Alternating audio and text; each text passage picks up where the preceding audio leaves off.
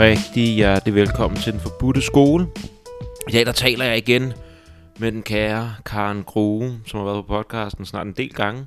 Karen hun er jungiansk analytiker, psykoterapeut, holotropisk åndedrætsterapeut, og så er hun nok en af de mest erfarne inden for det psykedeliske miljø her hjemme i Danmark. Karen har blandt andet en del års erfaring nede fra Brasilien, hvor at hun arbejdede på et retreat-sted.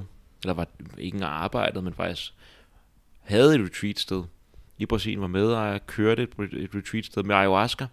Øhm, hvor hun ligesom stod for den integrative integrationsproces. Skulle man nok hellere kalde det.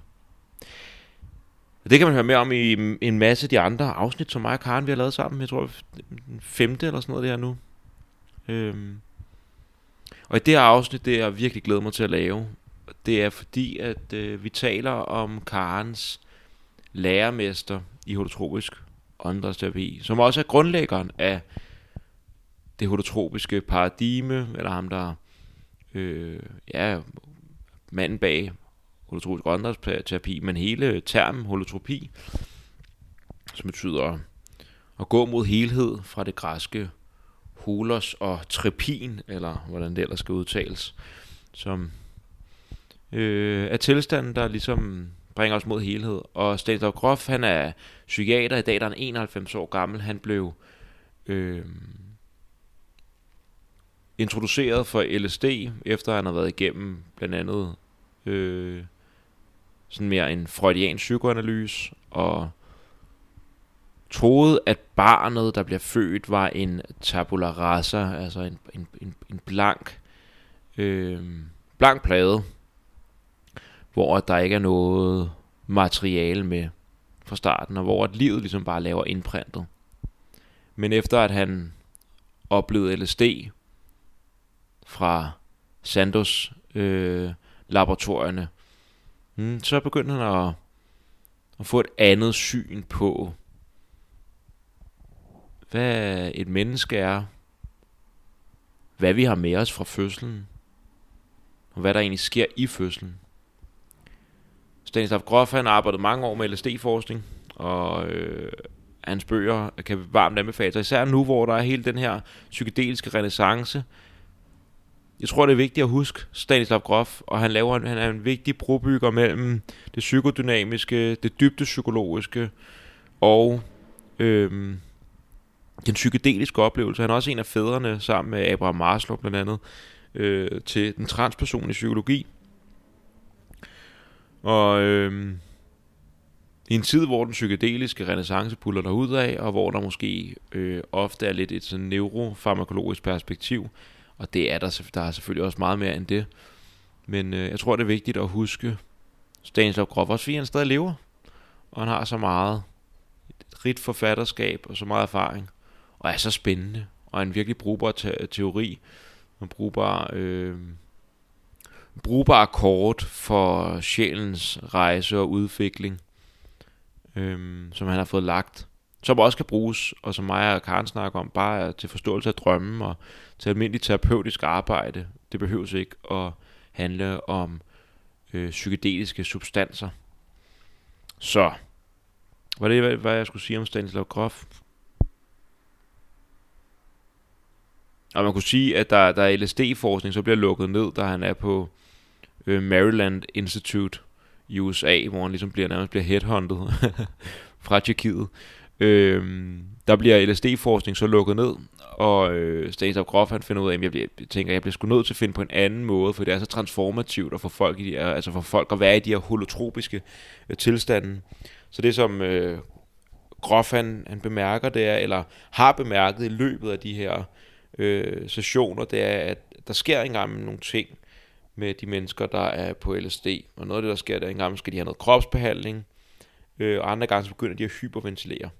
Øh, blandt andet også efter, at LSD'en egentlig er færdig, så kan der starte en hyperventilation, så kommer de ind i oplevelsen igen. Og det øh, har Stanislav Grof ligesom øh, skrevet sig bag øret, så da LSD-forskning bliver lukket ned, så sammensætter han nogle af de ting, som nogle af de erfaringer, som man kunne sige var ikke farmakologiske, øh, aspekter øh, i den psykedeliske oplevelse, som folk gjorde. For eksempel øh, at trække vejret på en hurtigere måde. Øh, altså hyperventilere, og det her med at have behov for kropsterapi, at blive holdt og blive rørt ved. Øhm, og så den høje musik, det forenede han, og så lavede han den holotropiske åndedrætsterapi, øh, som Stanislav Grof, eller som øh, Karen er uddannet i. Og hold kæft, nu har jeg snakket meget. Det vi snakker om i den her podcast, det er øh, Stanislav Grof. Øh, Karens relation til ham, hvor Karen lærte ham at kende. Øh, nogle af de fortællinger, hun har. Øh, til slut i podcasten taler vi en del om mesterlæreren, som jeg også oplever lige nu på Vedfeldt Instituttet, hvor Ole og Lene Vedfeldt øh, stadig arbejder øh, med os, hvor vi ser dem i deres arbejde, hvor vi ser dem ja helt fascinerende bare arbejde. Og det, det lyder måske så fascinerende, men det er fantastisk at se en mester og bare lære ved at, at være i rum med en person og prøve at tage perspektivet og ligesom mærke, hvad der, der foregår i sådan et rum. Og det har Karen oplevet med Stanislav Gross. Vi taler om mesterlæren, og så taler vi en hel del om, om COEX-systemer. Øh, og så det, som det er meget af det kommer til at dreje sig om her, det er øh, fødselstraumet. Øh, så det er fødselsmatricerne, de fire faser, og så kobler vi det også op på død genfødsel. Jeg kører noget orgasme ind over. Øh, og så også ritu- ritualer og ritual, ritualers opbygning. Som ligesom sådan øh, fødselstraumer, død genfødsel, ritualer og orgasmen, som sådan et eller andet, der bevæger sig i nogle af de samme sådan, grundstrukturer og og har nogle af de samme dynamikker, så det synes jeg var ret spændende og meget oplysende. Og sådan noget af det, som vi gør, som jeg rigtig godt kunne lide, det er, at der også bliver kørt noget, hvad hvis det ikke er psykedelika, hvad hvis det er drømme indover. Øhm, ja, det tror jeg var det. Gå ind på karengrue.dk, hvis øh, du har tænkt dig at række ud til Karen, eller se, hvad for nogle podcasts hun er med på. Øhm, og ellers så hop tilbage i gemmerne her. Altså Karen, hun blandt andet i det første afsnit, hun var med, der fortæller hun om hendes historie, om tiden i Brasilien, og et, et, et menneske, et skønt menneske, med masser at fortælle, masser at dele, og med en fed historie. Altså, så hvis I ikke har lyttet til Karen Kruse, så kan I godt glæde jer. Øhm, og med det sagt, så I ved det hele. Den forbudte skole, sociale medier, alt det der. Gå ind og følg med, like, subscribe og alt det der. I kender øh, det hele. Øh, hvis man er interesseret i arbejde med mig, så øh, ræk ud på de sociale medier og øh, patreon.com, hvis man har lyst til at bakke op økonomisk omkring det projekt der. Med det sagt, jeg tror jeg har sagt nogle gange nu, men med det sagt, rigtig hjertelig velkommen til det her afsnit af Den Forbudte Skole. God fornøjelse. Hej hej. Så sidder vi her igen, Karen. Det gør vi. Det er jo... Øh... Har du nogen, øh, har nogen nej, bagkant? Nej, nej, ikke nej. andet end, at der kommer en klokken 4 lige og henter Nå. nogle penge. Men ellers så... Øh, ja, der burde vi... Ja. Må ikke, at vi er, vi Men er øh, han, er, han er indforstået med, at vi måske er i gang. Okay. Jeg cool, vidste cool. ikke helt, hvornår du kom, på, da nej. vi lavede aftalen. Nej, super. Men han kommer bare og går igen. Der super. er ikke noget vrøvl med ham. Så vi er, vi er god tid her. Ja. Så hvad det kører, som det skal. Det gør det. Øhm, vi har jo, vi har prøvet at få, få lavet en samtale her øh, et par gange, tror jeg nu. Ja, det, og så, en gang i og så vi kom til at skvadre i stedet ja, for. Ja, kom til at skvadre. ja. det, var, det, var ikke lige, det var ikke lige podcast, der skulle laves den dag. Men nu er vi i gang. Ja, måske. måske. Lad os se. øhm, ja, altså jeg, jeg har jo øh, siddet en gang imellem, når vi sidder bare og sluder, og der ikke er mikrofoner på, hvilket er en stor gave, så har jeg tænkt, for satan, hvor gad jeg godt bare også bare, altså hvor det fedt at bare lytte til. Mm. Altså, øhm, og især nogle af de her historier. I dag der skal vi snakke om Stanislav Grof, og hvad skal vi kalde det, hans arv, eller det, ja. som vi arver fra ham. Og så også, for du har sådan lidt en, hvilket er noget af det, der fascinerer mig helt vildt. En, en, en, en historie og et liv, der er flettet sammen med Grofs liv på en eller anden måde. Åh oh, ja, det må man men på, øh, jo, når... vi, har, vi har jo snittet hinanden, kan man ja, sige, ja. ikke? Jo, jo. det virker så, altså, det virker, for, for sådan en, øh, øh, sådan en knøs som mig, for det er sådan lyst til at sige, øh, som vores Stanislav Grof er en superstjerne. Og, Jamen det var han også dengang. Ja, så, så når du har fortalt de historier, så har jeg i hvert fald bare været sådan, fuck, det er spændende. Ja. Så, og vi har jo lige prøvet at sidde og vende lidt omkring, sådan, hvordan vi griber det her emne an, fordi det kunne sagtens være noget, man lavede sådan mange, mange podcast på, og hvor vi kunne strukturere det og det ene og det andet, men vi blev lidt enige om bare at... Ja, lad det køre. Lad det køre. Så noget af det, som jeg synes, der kunne være spændende, måske at starte ud med, det er måske lidt omkring den her historie, hvordan at du sådan kom på sporet af... Af ham? Ja. Jamen, det var ikke så svært, fordi han, han, øh, han var jo guru øh, allerede i 70'erne, øh, på den måde, at øh, han var jo den første, der beskrev LSD. Mm. Og så var der jo, øh, så blev hans bøger jo oversat øh, af Jørgen Lumby. Mm. Så, så de bøger var jo tilgængelige, og sjov nok læste jeg dem ikke dengang. Men han var jo i, i ligesom hippiekredse noget, eller hvad skal man sige, senhippiekredse, var han jo noget, fordi øhm, at han kunne beskrive, hvad det egentlig var, der skete, når man, når man tog LSD. Og det var også, altså øh, senere øh, bad han mig jo om at, at øh, arrangere hans 70-års fødselsdag her i København som sådan et arrangement. Og, og, og der kom han jo ud på universitetet og tale, og der fik jeg så Ebbe Kløvedal til at at komme mm. og fortælle, hvad han havde betydet i hans sammenhæng. Ikke? Fordi at, at Ebbe netop sagde, jamen altså pludselig, så kunne man jo læse om, hvad det var, man havde oplevet. Ja.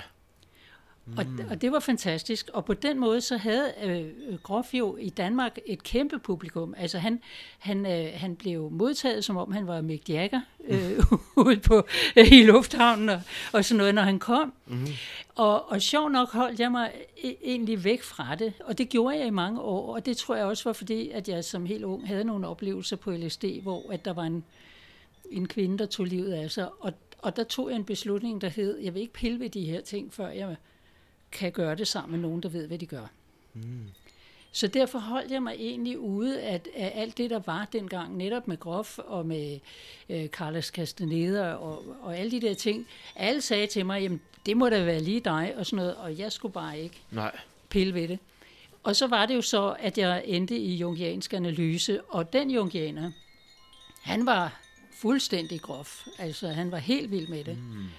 Og, øh, og det var også fordi, han blandt andet var, var meget glad for Jes Bertelsen, og øh, Jes Bertelsen har jo skrevet mange af sine bøger på baggrund af Groffs teorier. Ikke? Mm. Altså de der dybde psykologi. Dybde, ja. ja. de kører jo over Groffs. Ja, ja især øh, etteren, etteren og toeren, der ja. er der en del Groff. Ja, det er rigtigt. Ja. Øh, og så skete der jo det, at, øh, at, at han, øh, kom, han kom op til øh, Louisiana mm. i 93, tror jeg, det var. Og der holdt han et foredrag, og øh, der tænkte jeg bare, jeg skal have den uddannelse. Og så øh, snakkede jeg med en anden kollega, og hun, hun øh, sagde også, at vi bliver nødt til at finde ud af det med Groff. Om vi skal tage over til Esselen eller hvad. Vi skal bare have fat i det. Mm. Og, øhm, så det er holotropiuddannelsen? Ja, vi vidste jo ikke, hvad der egentlig var. Nej. Fordi dengang kunne man jo ikke lige google og sige, øh, Nå, hvad er der? øh, der skulle man være skide heldig at få en eller anden flyer, eller, eller et eller andet. Altså sådan var det jo dengang, eller kende en, der vidste. Eller. Ja, ja. Så det var jo ikke noget, man lige fik. Men det, der så skete der, øh, det var faktisk, at det viste sig, at der var to danskere, der var uddannet. Og, øh, og det gjorde så, at, øh, at vi faktisk tog hen og, og hos den ene af dem og, og startede på, og på altså prøvede holotropi. Mm. Og det viste sig så, at øh, de, de var faktisk i gang med at, her i Skandinavien at lave en uddannelse. Mm. Og så tænkte jeg bare, Perfekt. tak skal du have. Ja. Altså, det er jo simpelthen et helt øh, bjerg af appelsiner ned i turbanen, ikke? Yes! Sådan. Så vi øh, strøg jo bare direkte ind på den der uddannelse, og så gik det ellers i gang, ikke? Mm. Og så havde vi jo så... Øh, altså, så, så arbejdede vi med holotropien imellem, og, og, og så havde vi de her... Øh, altså, han havde så lavet det på den måde, at, øh, at vi fik to moduler ad gangen, det vil sige, at vi var 14 dage afsted, hvor vi bare var fuld skrue med holotropi, ikke? Ej, det lyder fedt. Ja, det var det. Jeg siger dig, at man kom hjem fuldstændig uden tidsfornemmelse eller stedsfornemmelse, eller man var bare fuldstændig atomiseret. Altså. Ja, også fordi når sådan en kursus der, det er jo ikke, øh, sådan som jeg forstår det i hvert fald, det er jo ikke bare at sidde og læse bøger og være i klasseundervisning. Det er praktisk, være erfaringsbaseret. Jamen nu skal, jeg høre, nu skal du høre, hvordan dagen var. Den yes. startede klokken 9 om morgenen, og så stod Grof ved tavlen, eller rettere sagt fire tavler. Fordi Hold da kæft. fire tavler. Og dem skrev han på i fire timer i træk og forklarede. Og på et tidspunkt sagde vi, mm, kunne man få en pause? Og dengang, du ved, altså, det var jo der i begyndelsen af 90'erne, ikke? så siger han, øh, en pause, jeg er kommet fra USA. Hvad? Skal I pause? Men så kom han i tanke om, at hans kone havde snakket om, at øh, man har behov for pauser. Ikke? så okay, vi fik en pause. Ikke? Tak til hende, mand. Ja, ja. Og så, øh, og så, så var der så frokostpause. Der var en pause, hvor man skulle spise. Det, det, det, han er jo trods alt læge, så han ved, at man skal have mad. Så der var sådan en time eller halvanden, jeg kan ikke huske det, men det var ikke særlig lang tid. Så spiste man, og så var der holotopi, og det tager jo en 3-4 timer. Og så kunne man spise igen. Og så var der øh, delerunde, og den tog jo så faktisk til klokken 10-11 stykker om aftenen. Og så kravlede vi jo i seng. Og Grof, som på det tidspunkt var 65, han gik op ad trappen op på sit værelse og skrev videre på sin bog. Så stod han klokken 9 næste morgen og skrev de der fire tavler til en gang til. Og jeg lover dig, at man skriblede, fordi han sagde ikke et overflødigt ord. Det gjorde han bare ikke. Det brugte han ikke. Det var lige ind til benet. Fuldstændig. Det er også noget, som vi har snakket mere om, for det er også noget det her omkring mesterlæren, og, og opleve ham i et øh, rum, Ja. hvor der er noget med en eller anden form for præcision, som ikke er den der øh, øh, præcision, men sådan Det er en en fuldstændig anden. fin. Fordi jeg kan huske netop at til sådan en eller anden øh, frokost der, at jeg står ved siden af ham, og, og øh, så, det er sådan et, en buffet, og så siger jeg, det der ser lækkert ud. Og han svarer ikke. Så tænker jeg, det er sgu da underligt. Men, men det øh, oplevede man simpelthen, han reagerede simpelthen kun, når man, når man, når man talte fra hjertet. Ja. Så var han der 400 procent, ikke? Men når man bare sagde sådan en eller anden almindelighed om, at øh, den der salat så god ud, så var det fuldt... At han, det var ikke, fordi han var arrogant eller en skid, det var han overhovedet ikke. Men, men øh, der var han bare ikke. Ej, han, han gad sgu ikke. Det var, det var small talking, det, det var men, han ligesom Jeg tror, over. han registrerede det simpelthen nej, ikke. nej, Det var bare en eller anden lyd, som han ikke øh, be- behøvede at tappe ind i. det var ikke den rigtige frekvens, som hans ører de fungerede på. Nej, Ej, det er vildt nok, ja.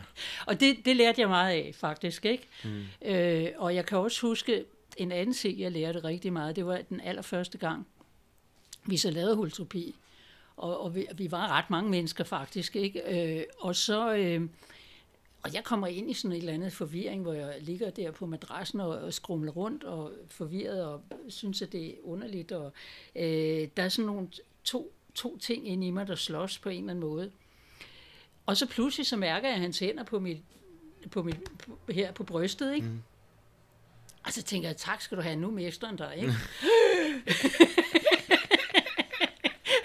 så, tak skal du have nu. og, så, og så siger han, øh, vi har al den tid, du skal bruge, mm. siger han bare, ikke? Og, og i det øjeblik, han siger det, og, og de der hænder ligger på mig, så slapper jeg af fuldstændig, og så det der, den der skisma, jeg er inde i, det, det opløser sig simpelthen, og pff, der er ikke noget problem. Så jeg slapper fuldstændig af, og i det sekund er han væk.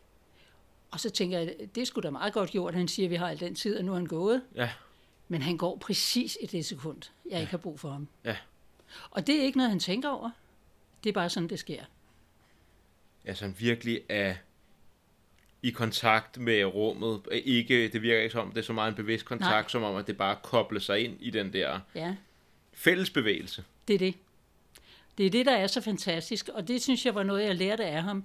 Altså, hvordan er man for... Altså, fordi det er ikke noget, man lige gør, at være i den tilstand, hvor, hvor man er i rummet. Fordi, som han selv siger, han aner ikke, hvad der sker inde i folk. Nej. Han kan ikke vide det. Og, og det er der ingen, der gør. Der er nogen, der prøver at forestille sig det, og det er meget, meget generende, fordi at så bøvler de ind i folks med deres lille spekulator der, ikke? Og Ja. det, det er noget lort. Øh, Det er en større spekulator, der skal i gang her. Ja, det er virkelig, og det er nogle, altså, og det er jo også det, han siger, det er den indre healer, der arbejder. Ja. Og der skal man passe på ikke at stå i vejen, ikke? Ja. Øh, og det er jo det, han ikke gør. Han går simpelthen med, øh, og, og det lærte jeg meget af, det der med, at han var der kun i det sekund, jeg havde brug for ham, og i det sekund, jeg ikke havde brug for ham, der var han væk. Så lidt som, så lidt som muligt. Ja. Så lidt interference, så lidt uh, indblanding som overhovedet muligt. Så lidt som muligt. Ja. Det var virkelig fantastisk.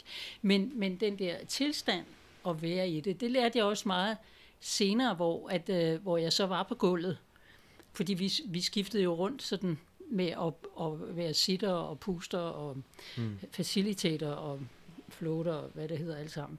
Men, men der var jeg jo så hjælper der, øh, og der lå han så på gulvet og rode med, med, med en, som bimlede rundt i et eller andet, som jeg heller ikke ved, det vidste ja. vi jo ikke, hvad var. Nej, nej.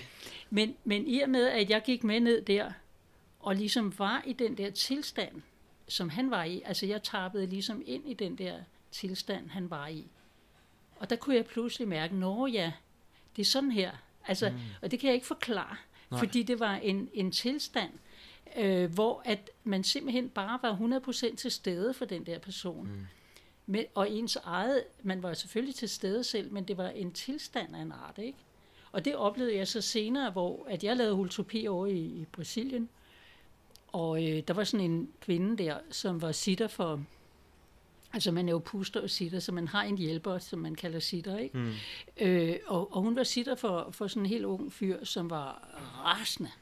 Og han lå sådan nærmest som at og hoppede sådan en halvanden meter op i luften, altså på maven, som sådan rasende, øh, øh, hvad hedder sådan en græshoppe der, eller et eller andet. Ikke? Ja, ja. Og jeg kunne godt se, at hun var helt hvid i ansigtet, og vidste ikke, hvad hun skulle gøre.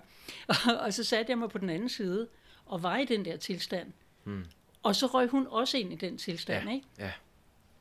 Og det gjorde så, at hun blev helt vild med det, og, og så kom vi til at arbejde sammen nede i, i Ungarn om, om mm. utopi, mm. fordi at der fangede hunden. Ja. Ikke? Så det er sådan en... der fangede hunden, ja. Der ja. erfarede hun det. Hun erfarede den der tilstand, ikke? Ja. som man kan være i, hvor man, hvor man er der uden at blande sig. Ja. Man er flue på væggen på en eller anden måde. Men det er faktisk vigtigt, at man er der. Fordi at man på en eller anden måde skaber det der trygge rum for den, der er i gang. Ikke? Ja, for jeg skulle til, fordi ja, det er sjovt, den historie der. Jeg har næsten den helt samme historie fra sidste år, da jeg var med til at guide nogle ayahuasca-ceremonier. Ja på det retræt, hvor jeg var med, hvor jeg lige pludselig endte op i den situation, hvor at jeg også, der var en, der sad og fløj op. Altså, ja. Det er vildt, man kan hoppe så højt, når man ligger på en madras. Ja, det er meget mærkeligt. Det giver ikke? ingen mening. Nej. Hvor øh, sidder fjederen, ikke? Ja, ja. men det kan man. ja. øh, og, og, og, og, og, og det der med at prøve at holde folk nede fysisk, det er jo, så er der indblandet, og så fucker ja. man jo deres oplevelse op, og det kan måske være det retraumatisering og alt muligt alt muligt. Og lige pludselig så sad, endte jeg bare med at sidde, og øh, bare med lukkede øjne faktisk, og bare holde hænderne ud. Netop. Og, og så blev der sådan lidt mærkeligt stille lige pludselig. Ja. Så kigger jeg, så sidder en af de andre, der også guider, lige over for mig, helt samme position som mig, så er der bare den her følelse af, Jamen, han hopper kan... stadig, ja, ja. men så om, at nu kan han ikke rigtig komme ud fra madrassen mere, Nej. og han kan ikke komme så langt op mere, Nej. og han kan ikke slå hovedet ind i muren mere. Nej, det er det. Så han det er, ligesom... safe. Ja, ja. Det, det er safe space. Det er det. Ja. Og det, det var også den der fornemmelse af, øh, faktisk sådan en, der er åbnet øjnene, øh, hvor der, der kunne jeg mærke, at der var noget i mig, der sagde, altså, what the fuck? Hvad fanden er der, der foregår? Fordi det ikke er noget, som man mm, ligesom beslutter sig for, eller sådan, øh, nu, ej, jeg har en fix idé, nu skal jeg virkelig... Nu fikser jeg lige, nu den, fikser jeg lige den her. Ja. Det er det modsatte af det. Det er fuldstændig det modsatte. Ja. Og det er, jo det, det er jo det i og med, at man ikke har de der meninger om, hvad det er og hvad man skal og sådan noget der. Det er jo der, hvor at den indre healer faktisk kan komme til. og det, så okay, nu begynder vi Man kunne også godt snakke længe om, hvem Groff var og sådan noget ja, der, ja. men jeg tror faktisk, at det laver jeg måske bare i introen. Ja. Fortæller, jeg tror også, vi har, vi har, det har vi været inde på før, tror jeg. Ja. Så det er sgu meget, meget, det er spændende der. Så fordi at, at det der med den indre healer, det er også ja. godt lyde som om, at det er en, en øh, nu, nu prøver jeg bare lige at smide ja. noget ud og se, hvad du siger til det. Den indre healer kunne godt lyde som øh, om, at det er noget, der er inde i mig. Det er det. Ja, øh, og, øh, men noget, der er isoleret til inde i mig. Fordi det, jeg tror, det, det jeg godt vil ind på her, det er, at det lyder måske lidt som om, og min oplevelse har lidt været i de tilstand, også bare i almindelig terapi, eller øh, på meditationsretreat i sommer, det der med, at den indre healer måske også er noget, der er transpersonligt. Jamen det er det. Øh, at det her med, at der er en, der ligger på madrassen, for eksempel til holotropi, og så er det ligesom om, at du også kan følge den indre healer. Den indre healer er ikke isoleret ind i den person. Nej, nej, nej. Som, men det er meget mere også en indre healer, som er sådan transpersonlig, som du også kan koble dig på. Jamen det er det. Okay. Det bliver man nødt til. Mm. Og det, der for eksempel er meget interessant, det er, at, at øh, altså det er selvfølgelig, altså hvis jeg har, og det, og det er ikke kun mig, der oplever det, det er alle øh, holotropi-faciliteter, ikke? Der er aldrig nogen person, der har brug for en samtidig. Hvordan vil ja. du forklare det? Ja, Så den indre healer er ikke så meget bare inde i den enkelte, det er næsten rummet. Det er rummet. Så kommer den indre healer lige på besøg, så Ja. er vi i gang herover nu, Ja. og så du og får så det, 10 ja, minutter. så nu er det herovre. Ja. Og sådan en helt vild situation. Øh, Jeg havde engang, øh, øh, hvor, hvor der er sådan tre personer, der ligger, og de ligger nogenlunde på den samme måde på siden, med benene til den ene side. Og så som om, at det var den kongelige ballet. Bing, så vender de sig om, så de ligger med benene den anden side. Mm. Og det er fuldstændig synkron. Synkron, yes, afstemt. Fuldstændig afstemt, og de har lukket øjne, og de kender faktisk ikke engang hinanden i forvejen. Nej, Heller. nej.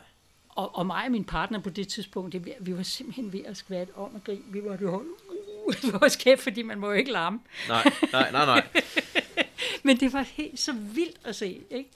Men det er det, de der, når man ser, Ja. øh, når man er til stede i de der ceremonilokaler, Ja. om det er med eller andet shamanistisk åndedræt, jeg har ikke været til holotropi, men det, og med Ja. ja. åndedrætsmodaliteter, eller om det er til øh, noget psykedelisk, eller tromrejser, ja. hvad det kan være. Det er ret vildt bare at observere sådan en cirkel der, Ja, og se, hvad der går i gang. Også når man hører en delingsrunde efterfølgende, Ja. hvordan at det, at den person startede med at åbne op for sit traume, lige der, var det rigtige tidspunkt for tre andre på tre forskellige måder. og gøre det samme. Og yes, Det er det, der sker. ja. Øh, og det er den der, det, det der transpersonlige, og det ved jeg ikke, det måske, det skulle vi måske, hvad, hvad, det, for det er jo også noget, en af Groffs bidrag, ikke? eller i hvert fald noget, han var med til at bidrage ja. til. Det er transpersoner. Det transpersonlige. Ja. Kan du, øh, hvad, hvordan vil du, øh, hvis du skulle sætte nogle ord på det, Karen, hvad er det Jo, transpersonlige jo, altså det er jo også noget Groff har snak, eller slået Jung har snakket om, ikke? Altså det er jo det kollektive ubevidste. Mm. At, der, at der er nogle aktive størrelser i det kollektive ubevidste. Og, øh, og det, som, som Groff jo i høj grad siger, det er, at det eneste, der kan forudsige, hvad der sker i en holotropisession eller, eller en øh, psykedelisk se- se- øh, session, det er faktisk astrologi. Og det er de store planeter. Altså, hvordan de står i, i forhold til, til det kollektive, men også i forhold til den enkelte person. Og det vil sige, at der er nogle, der er nogle store kræfter, som er i gang. Øh, som, og dem kan vi jo ikke forklare. Det skal Nej. vi jo heldigvis holde os fra. Ikke? Mm. Men vi kan jo, vi kan jo som, som øh, vores små egoer, kan jo ligesom konstatere, at det foregår. Ikke? Altså mm. lidt ligesom, at de her tre personer vender sig om på nøjagtigt samme tidspunkt. Man kan sige, ja, det er meget tilfældigt. Men når man ligesom har oplevet det mange gange, noget tilsvarende, så tænker man, at det kan altså ikke blive ved med at være tilfældigt. Det er ikke noget, der sker ellers. Nej. Og ligesom du siger, altså, at, at det er de samme traumer, der kommer op, eller og det var jo også altså det, vi, vi hele tiden var, nu de kaldte et øh, kosmisk setup, kaldte de det, ikke? Mm. Altså, at, at, øh, at der er de her kosmiske ting, som gør, at, at hvis man går ind i dem, jeg kan huske på et tidspunkt, øh, det var mens jeg tog, vi, vi var på uddannelsen, at hende, jeg arbejdede sammen med, hun, hun var i proces, og jeg sad og var sitter. Og så på et tidspunkt rejser hun sig en lille smule op for at sige noget til mig, og hun tror egentlig, at hun er på vej ud af processen. Og, og jeg, jeg bukker mig ned imod hende for at, at ligesom høre, hvad hun siger. Og så knaller vores hoveder sammen. Mm. Og hun vælter bagover, stortudende, du ved, ikke? Mm. Det var lige det, jeg skulle til. Det var lige det, der skulle til, ikke? Lige en og, jeg, og, og heldigvis så vidste jeg det, fordi at, at, at jeg tænkte, ej, jamen, så, så meget slog vi heller ikke hovederne, vel? Altså, hun, er- hun ligger ikke med kranjebrud, vel? Nej. Men, men, men, øh, men på den måde sker det der, de der setups på en eller anden måde, ikke? Jo.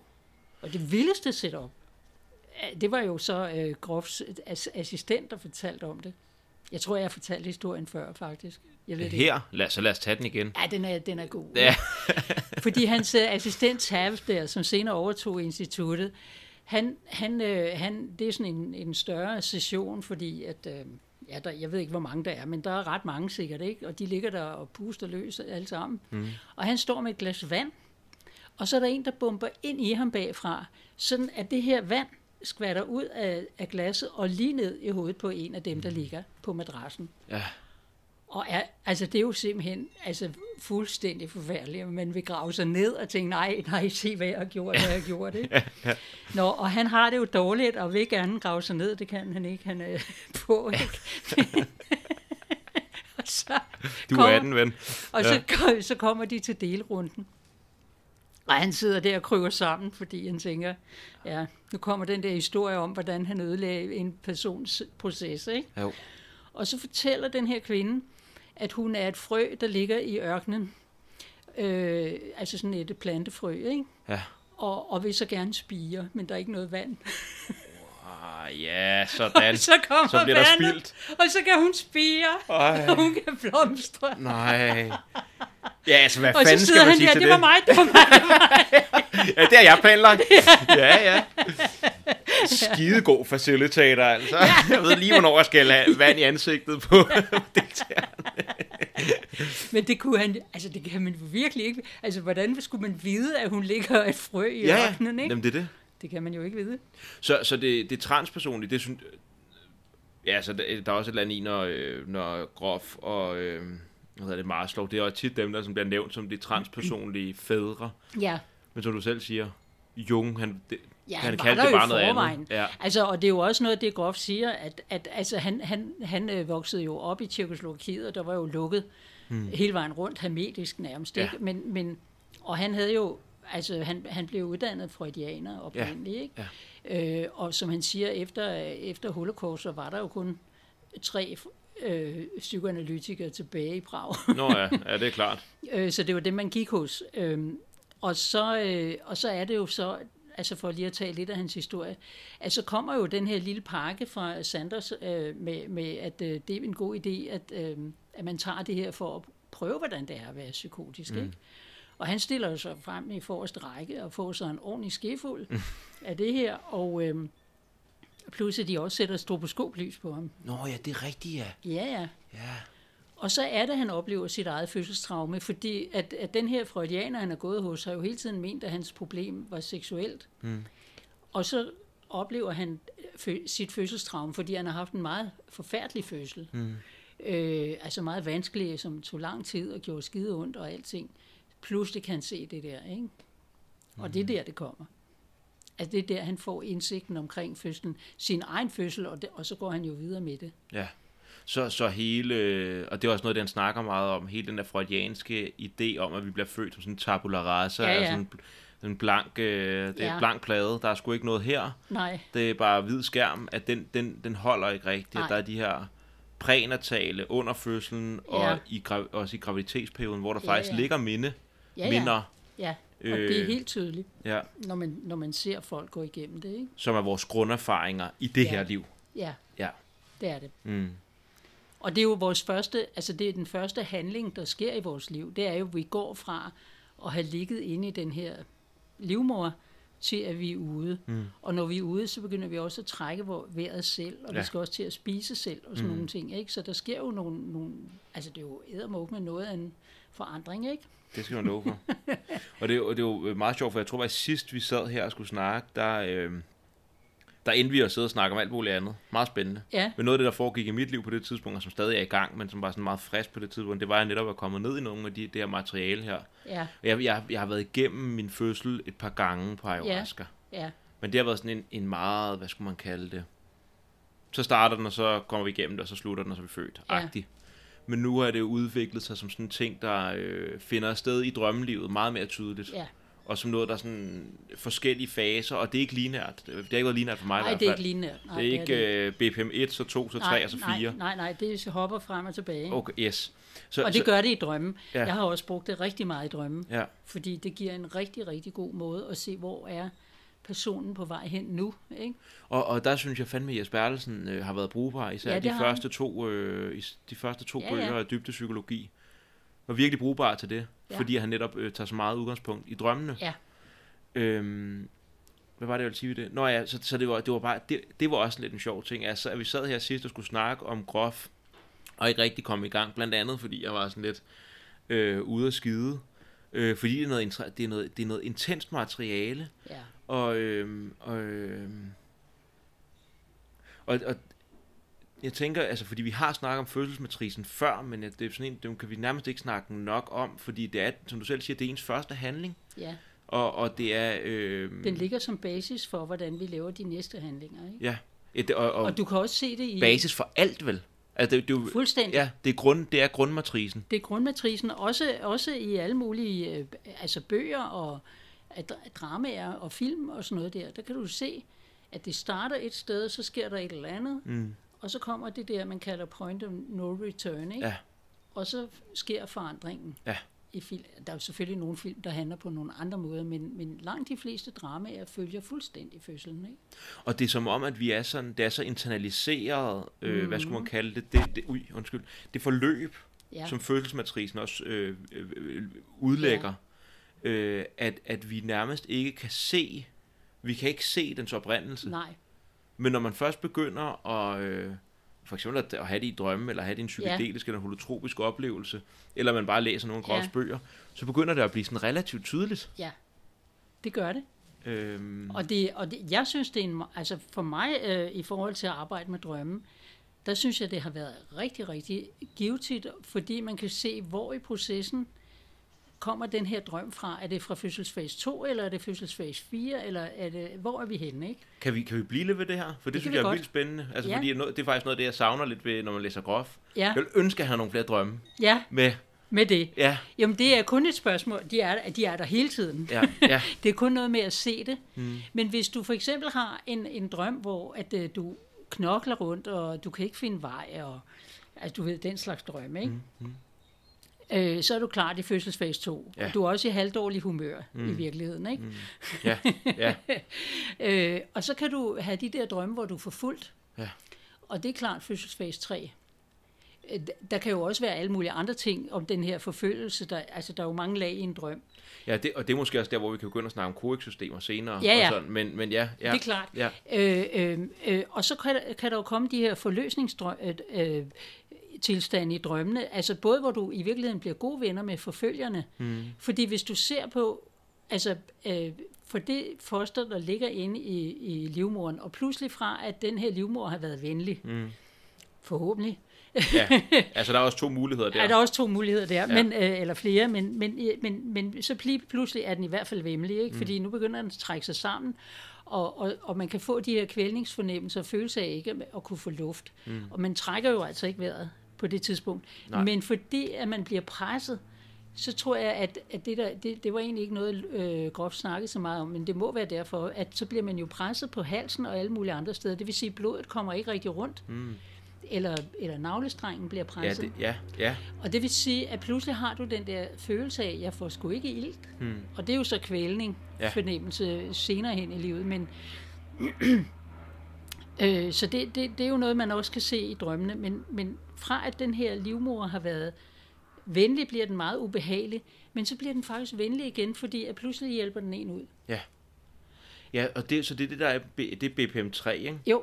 Og øh, i følelsesmatrice 3, det, det, det, er jo, det er jo sådan lidt, den er sådan lidt, øh, det, er lidt en, det er lidt en syret ja. fase, ja. fordi der både er smerten og uddrivelsen og, ja. og, og kampen og helten, ja. der opstår, fordi at barnet, også hvis man, hvis man tager et, en, et barn der så, øh, og lægger fød, hænder, hånden op til fødderne, ja. så presser den jo ja, utrolig ja. meget, og den hjælper jo til. Ja. Så der opstår samarbejdet også ja, ja. mellem mor og barn. Og så noget, som jeg synes, der er vildt interessant ved, da jeg har begyndt at have BPM-3-drømme, ja. sådan krav for fuld smadret her i sommer, ja. det var lige pludselig gav øh, øh, Groffs idéer om de her øh, øh, masochistiske og sadistiske ja, ja. tendenser utrolig god mening. Jamen, det er det. Altså, jeg kunne have, have, have drømme om at... Øh, øh, om øh, kvindelige sådan anima-figurer, der bad mig om at øh, øh, kvæle dem og slå dem, eller ja, øh, øh, sådan nogle forskellige ting. Jo. Og så næste dag, så vågnede jeg op med fantasien om at blive kvalt, slået og den slags ting i et seksuelt kontekst. Ja, ja. Fordi at der er noget i det der, det, det er smertefuldt, og det, det er sådan rare... Øh, øh, jo, og, og du står også i den der vanskelighed, der hedder, at øh, du gør ondt på din mor, ja. og din mor gør ondt på dig. Ja. Og det vil sige, det er der bødelt offer dynamikken opstår. Ja. Og, og så kan man sige, at den kan man jo godt spille ud seksuelt, især fordi, at i det øjeblik, du bliver mast ud gennem øh, fødselsudgangen øh, der, ikke? Ja. så er der faktisk en hel masse seksuelle øh, hormoner, der bliver udløst, og det vil sige, der bliver jo en kobling. Mm. Og det, jeg kan huske en gang, det var, det var over på Nordlyscenteret, at øh, jeg, var, jeg gik på sådan et øh, meditationskursus, og, og, der, og der, der satte vi faktisk de der fødselsmatricer i gang meditativt. Det var ret mm. interessant. Wow. Ja, og der, der gik folk så ud gennem øh, fødselskanalen der, og der var vi jo så sådan 6-8 mennesker til at holde folk, fordi der jo er med med knald på. Ja. Og der kunne man se, Jamen, det er sgu sådan der, de har orgasme. Mm. At man kunne Ja, samme, simpelthen... samme det var det ansigtsudtryk. samme ansigtsudtryk. Ah, ja. Jeg sagde det ikke højt, fordi det var, sådan, det var ret pæne mennesker. Dengang kunne man ikke ligesom sige de der ting. Men, men jeg kunne se det, ikke? Ja. at det måtte skulle hænge sammen på en eller anden måde. Ikke? Men det er også det der med, så der, der, der er både, der er også offerbødel. Ja, der men, der, men der er offerbødel, men, jeg, men jeg tænker også, der er, der er et modsatte eller skyggen af den, Ja, som så også er, det ved jeg ikke, hvad vi skal kalde det, men, men, men de frisætter jo også hinanden. Hvilket Ja, ja. også sker i orgasmen. Orgasmen er Ja. jo sådan en frisættelse, hvor man Ja. også på en eller anden måde af oplevelsen bliver, bliver, i hvert fald bliver blæst på en eller anden måde ud af sin, sin Ja. ego-boble for en stund. det gør man. Øhm, og er kulmination på det her samarbejde. Ja, Og, og på samme måde er fødslen jo også en kulmination på et samarbejde mellem mor og barn, ja. og en frisættelse ind i en ny, en ny øh, tilstand. væren, en ny tilstand. Lige præcis. Så der er både offerbøden, og så er der den modsatte. Jo, og, og hvor, hvor også, at, at øhm, altså det var, det var noget groft snakket meget om, som jeg husker det. Jeg tror nemlig ikke, det var Jung, men, men øh, altså, at, at, øh, at når man oplever både bødel og offer, øh, dimensionen i sig selv, fordi man tit ser sig selv som offeret, ikke? Mm, mm, ja, ja. men når man også ser bødlen i sig selv, så frisætter man sig fra de der forskellige traumer, hvor man har været udsat for det, ikke? Mm, ja. Det... At man ser, okay, jeg kunne have gjort det samme faktisk. Ja, ikke? Så det, det er sådan det i jungianske sådan skygge. Ja, Arbejde. integration. Ja, Ja. ja. Hvor han så også havde den idé, altså at når man øh, traumemæssigt røg op på det samme niveau, altså øh, øh, smertemæssigt, Ja. ja. så slap det. Det var hans erfaring. Kan du sætte nogle flere ord på det? Ja, altså at, at øh, hvis du for eksempel, altså du kan jo have mange forskellige slags traumer, Ja. øh, og, og du kan have en psykisk og en fysisk smerte omkring det. Men i det øjeblik, altså at du genoplever det, og du kommer op i det samme niveau, mm. som du i virkeligheden oplevede det dengang, for du kan godt have fortrængt det, ikke? Yes, yes, yes, yes. så slipper det. Ja, Og det var noget, han var, tror jeg, at det, det er noget, jeg gætter mig til, men jeg tror, at da han var på Æselen, der tror jeg, at han har været rigtig meget op med, med Peter Levin. Mm. Mm. Fordi de var der samtidig. Det kan jeg læse ud af Peter Levins bog, den der kroppens stemme. ja. Fordi der fortæller han om en, der laver sådan noget holotropisk åndedræt, så det kan jo næsten kun være groft, ikke? Er det trademarket? Ja, og der kan man, der kan man se, der de står sådan der over for hinanden, ikke? Ja. Fordi at Groff har tænkt, den skal have max, fuld skrue, ikke? Ja, Og, og, øh, og Peter Levin har jo netop sagt, at den skal have minimum ja. skrue. Ja, Ikke? vi skal bare smage på den. Ja, vi skal bare, øh, altså, ja, Bare lige lidt. ja, jo mindre, øh, jo bedre, ikke? Ja. Ja. Altså simpelthen homeopatisk. Ja. Og de har jo begge to ret. Mm. Det kom, man kan, altså, øh, Begge jeg, to kan virke. begge to kan virke. Mm. Absolut. Der er ikke nogen modsætning for mig at se. Nej, så, så Groff, han er jo også i meget den der katarsis-tilgang. Jo, ikke? jo, altså, han det er, fuld, han er synes, fuld at på. det er fuld, sku- altså fuld smadret, ikke? Ja, altså, ja. virkelig. Det genop, det, er ikke, det er ikke bare en smagen lidt på fødselstraumet. Det er, nej, nej, det er... Vi tager den. Så vi tager den en gang til. Ja. Er vi klar? Ja, altså så, så meget var han ikke på det tidspunkt, fordi jeg tror, han måske har været sådan yngre. Mm. Men da, altså, da jeg møder ham der, der var det faktisk meget roligt. Okay. Men selvfølgelig, altså også fordi der var mange irere med på vores hold, og de havde jo mange traumer, krigstraumer, ikke? Mm. Og der skulle vi jo altså nogle gange være 8-10 mennesker for at holde dem. Ja. Altså for, at de ikke smadrede ind igennem muren, altså. Ja, ja. Fordi der var virkelig knald på, ikke? Mm. Og i øvrigt, derovre på det der meget fredelige sted, øhm, altså jeg har aldrig kommet til skade i holotopi, selvom folk har været vildt voldelige. Det sker sjovt nok ikke. Mm. Øh, men men øh, da vi lavede det over, der, øh, hvor, hvor det var meditativt, da vi kom ind i det, der var der så også en fyr, der, der kom ind i den der uddrivelsesfase, og hvor han simpelthen sparker bagud for at komme ud. Og så rammer han min arm, som bliver smasket direkte op i væggen og brækker. og så, øh, så, så besvimede jeg. Og mens jeg besvimede, så tænkte jeg, ej shit, fordi han havde fortalt, at hans fødselstraume var, at han var blevet født, og så havde hans mor og jordmoren bare lagt ham til side, og så havde de siddet og skvadret, mens han lå der. Og så mens jeg gled ned ad væggen der, så tænkte jeg, åh oh, nej, nu kommer jeg til at tage opmærksomheden Ej, igen. igen. Skete det så? Ja. Tog du opmærksomheden? Ja, Ja. han var pissesur på mig. Ej. Altså, det var, han, men det Ja, var ja. dobbelt. Det Ja, var ja, dobbelt, selvfølgelig. Fordi han, han, det der raseri over Ja, det den, blev der, ikke forløst, for nu skete det den igen. der åndssvage kælling der, som øh, altså, ikke kunne lade være at brække sin arm, ikke? Mm. Jeg tager alt opmærksomheden fra mig. Jeg er lige blevet født, mand. Ja, ja, Kom nu. Giv mig noget opmærksomhed. ja. Ja, det er vildt. Men, men Men der kan jo være virkelig meget bundet. Altså, jeg kan fortælle en historie, fordi over i Brasilien, der, øh, lavede, vi på, der lavede vi jo holotopi indimellem os. og der er sådan en fyr der, som jeg egentlig ikke specielt kender, øh, og jeg kender ikke hans historie eller noget. Og han ryger ind i, altså han ligger og sprutter og væser, og, rør. og det er helt vildt, ikke? Og jeg tænker, hvad fanden foregår det her, og hvad, hvad er det? Og så har jeg den der fornemmelse af, at han føler sig fanget. Ja. Og så får jeg de andre til at være med. Vi er en 6-8 stykker til at holde ham, fordi han, han, vil, han vil ud. ja, Og jeg tænker bare, han bliver... Altså jeg, og, og det er jo der, hvor man ryger ind i den der fornemmelse af, at øh, altså selvom jeg ikke aner, hvor han er henne, ikke? Mm. at jeg skal simpelthen ikke slippe, han skal ikke slippe ud. nej. Okay, sådan. Så vi står alle sammen og holder ham, og de andre, de har det sådan, jeg vil ikke slippe ham ud nu. Nej, du ved ikke. og, og, og han kæmper og kæmper, og jeg tror, altså, vi var i gang, altså, og sveden stod af os, altså, fordi han var bumstærk, ikke? Og han prøvede at komme ud på alle mulige måder. Vi holdt ham inde med madrasser, og han var lige ved at slippe ud nogle gange, og så, ah, du ved, så Fik vi dig lige ind på igen. ja, så fik vi ham ind igen, du ved ikke. Og, og, og, og så pludselig, så løste op, og så, og, og så kom han simpelthen op i min favn, du ved. Så holdt jeg ham simpelthen sådan der ind til mig. Og så dejsede vi om på gulvet og lå bare der. Nå, så tænkte jeg, jeg vide, hvor han har været. Jeg anede det ikke. Nej. Men jo, altså også det, altså der sker det jo også simpelthen i, i sådan en eller anden dans, man ikke kan forklare. Ja. Fordi jeg kunne virkelig mærke, at nu skal han ud. Ja. Ikke? Og så kom han op, og så tog jeg simpelthen imod ham, sådan, og jeg kunne bære ham altså. Øh, og så lå vi der i meget lang tid, ikke? og han var jo kvæstetræt. Ikke?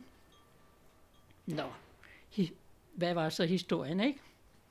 Ja, hvad var så historien? Historien var, at, øh, at da han blev født, øh, så gik fødslen i gang alt for tidligt. Mm. Og, øh, og så kommer moren ind på hospitalet, og de prøver at stoppe fødslen med et eller andet hormon. Mm. Eller noget. Jeg ved ikke, hvad de giver. Og det vil sige, at på den ene side bliver han skubbet ud af den fødsel, der er gået i gang, og på den anden side bliver han skubbet ind ah. af det her, og han er rasende. Ja, det kan jeg da godt forstå. Han er rasende over alting, fordi han er rasende over at blive skubbet ud for tidligt. Ja. Han er også rasende over, at når han så endelig bliver det, så kan han heller ikke komme Ja, det. kan I beslutte jer, eller hvad? ja, ikke? så, han var, så han lå jo der og kæmpede som en sindssyg for uden at kunne vide, altså han, han kan jo Skal ikke jeg komme frem til, eller tilbage? Ja, skal jeg frem eller skal jeg tilbage? Ja. Frygteligt, og så ender han i en kuvøse selvfølgelig, ikke? Åh, hvor de så stikker ham med alt muligt. Mm. Og det var han også rasende over. Han ville slå dem ihjel. Ja. Altså det her lille bitte væsen Ja. ja. ville jo slå dem ihjel. ja, ja, selvfølgelig.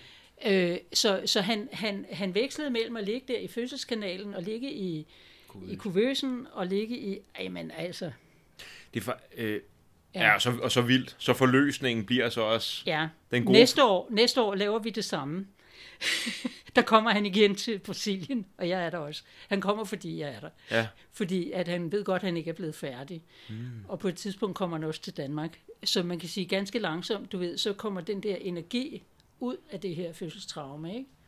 ja så første gang i genopspiller den, der er der fuld smæk på energien. Ja, der er og så man vi, der er vi seks til at holde ham, ikke? ja, for Eller det, otte. Det er nemlig også noget, som der så... Fordi det der med, at jeg også har fået lov til at genopleve mit følelsestraume ja. Ja. et par gange, eller tre nu, Ja, øh, at det ikke bare er en engangsfornøjelse. Øh, nej, nej, Men... Der er mere og mere subtile lag af fødselstraumet, det er det. ja. som man kan gå ind i. Ja.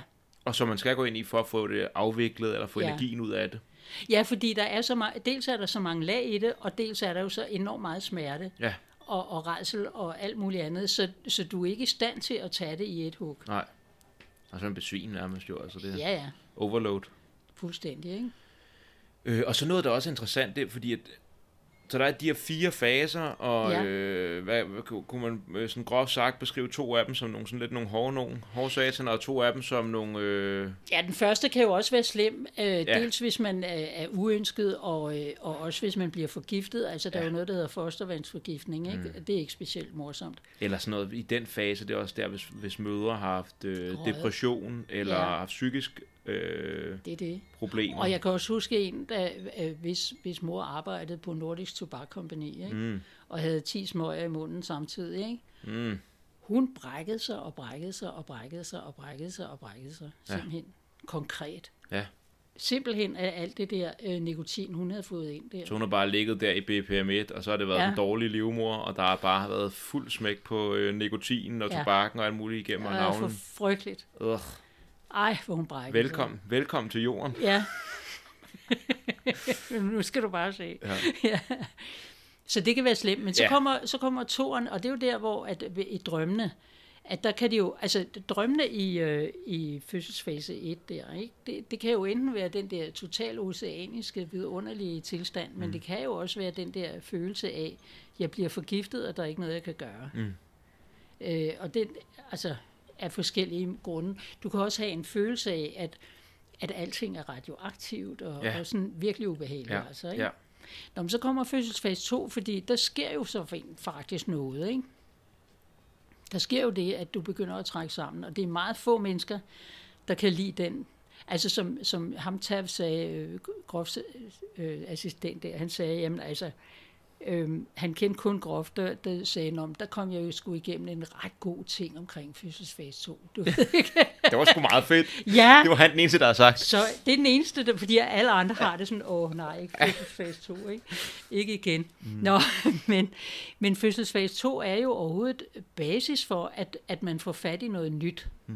Altså det er der, hvor der bliver pløjet ned i noget, og det er jo også der, hvor at i drømme er egoet er forvirret. Mm. Eller drømmejeget er forvirret. Hvor, hvad er det, der sker her? Og er der nogen efter mig, eller er der ikke nogen efter mig? Og hvad skal jeg, og hvad vej skal jeg? Jeg kan ikke finde hjem, og jeg ved ikke, hvem egentlig jeg er. Og alle sådan nogle forvirringstilstande Ja. men som jo er statiske på en eller anden måde, fordi du kan intet gøre i den der, altså du udvidelsesvægerne går jo bare i gang, og du kan intet gøre.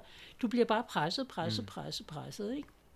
Ja, det giver, god for, det giver virkelig ja. god mening med det der forvirringselement. Ja, At man lige pludselig er havnet i en situation, ja. som man ikke, kan, man, man ikke kan se sig ud af, og man ikke kan handle sig ud af. Og man ved heller ikke, man hvad ved det ikke, hvad det er. Nej, Nej, nej. Man Det er bare ikke, det er. total forvirring. Ja. Ja.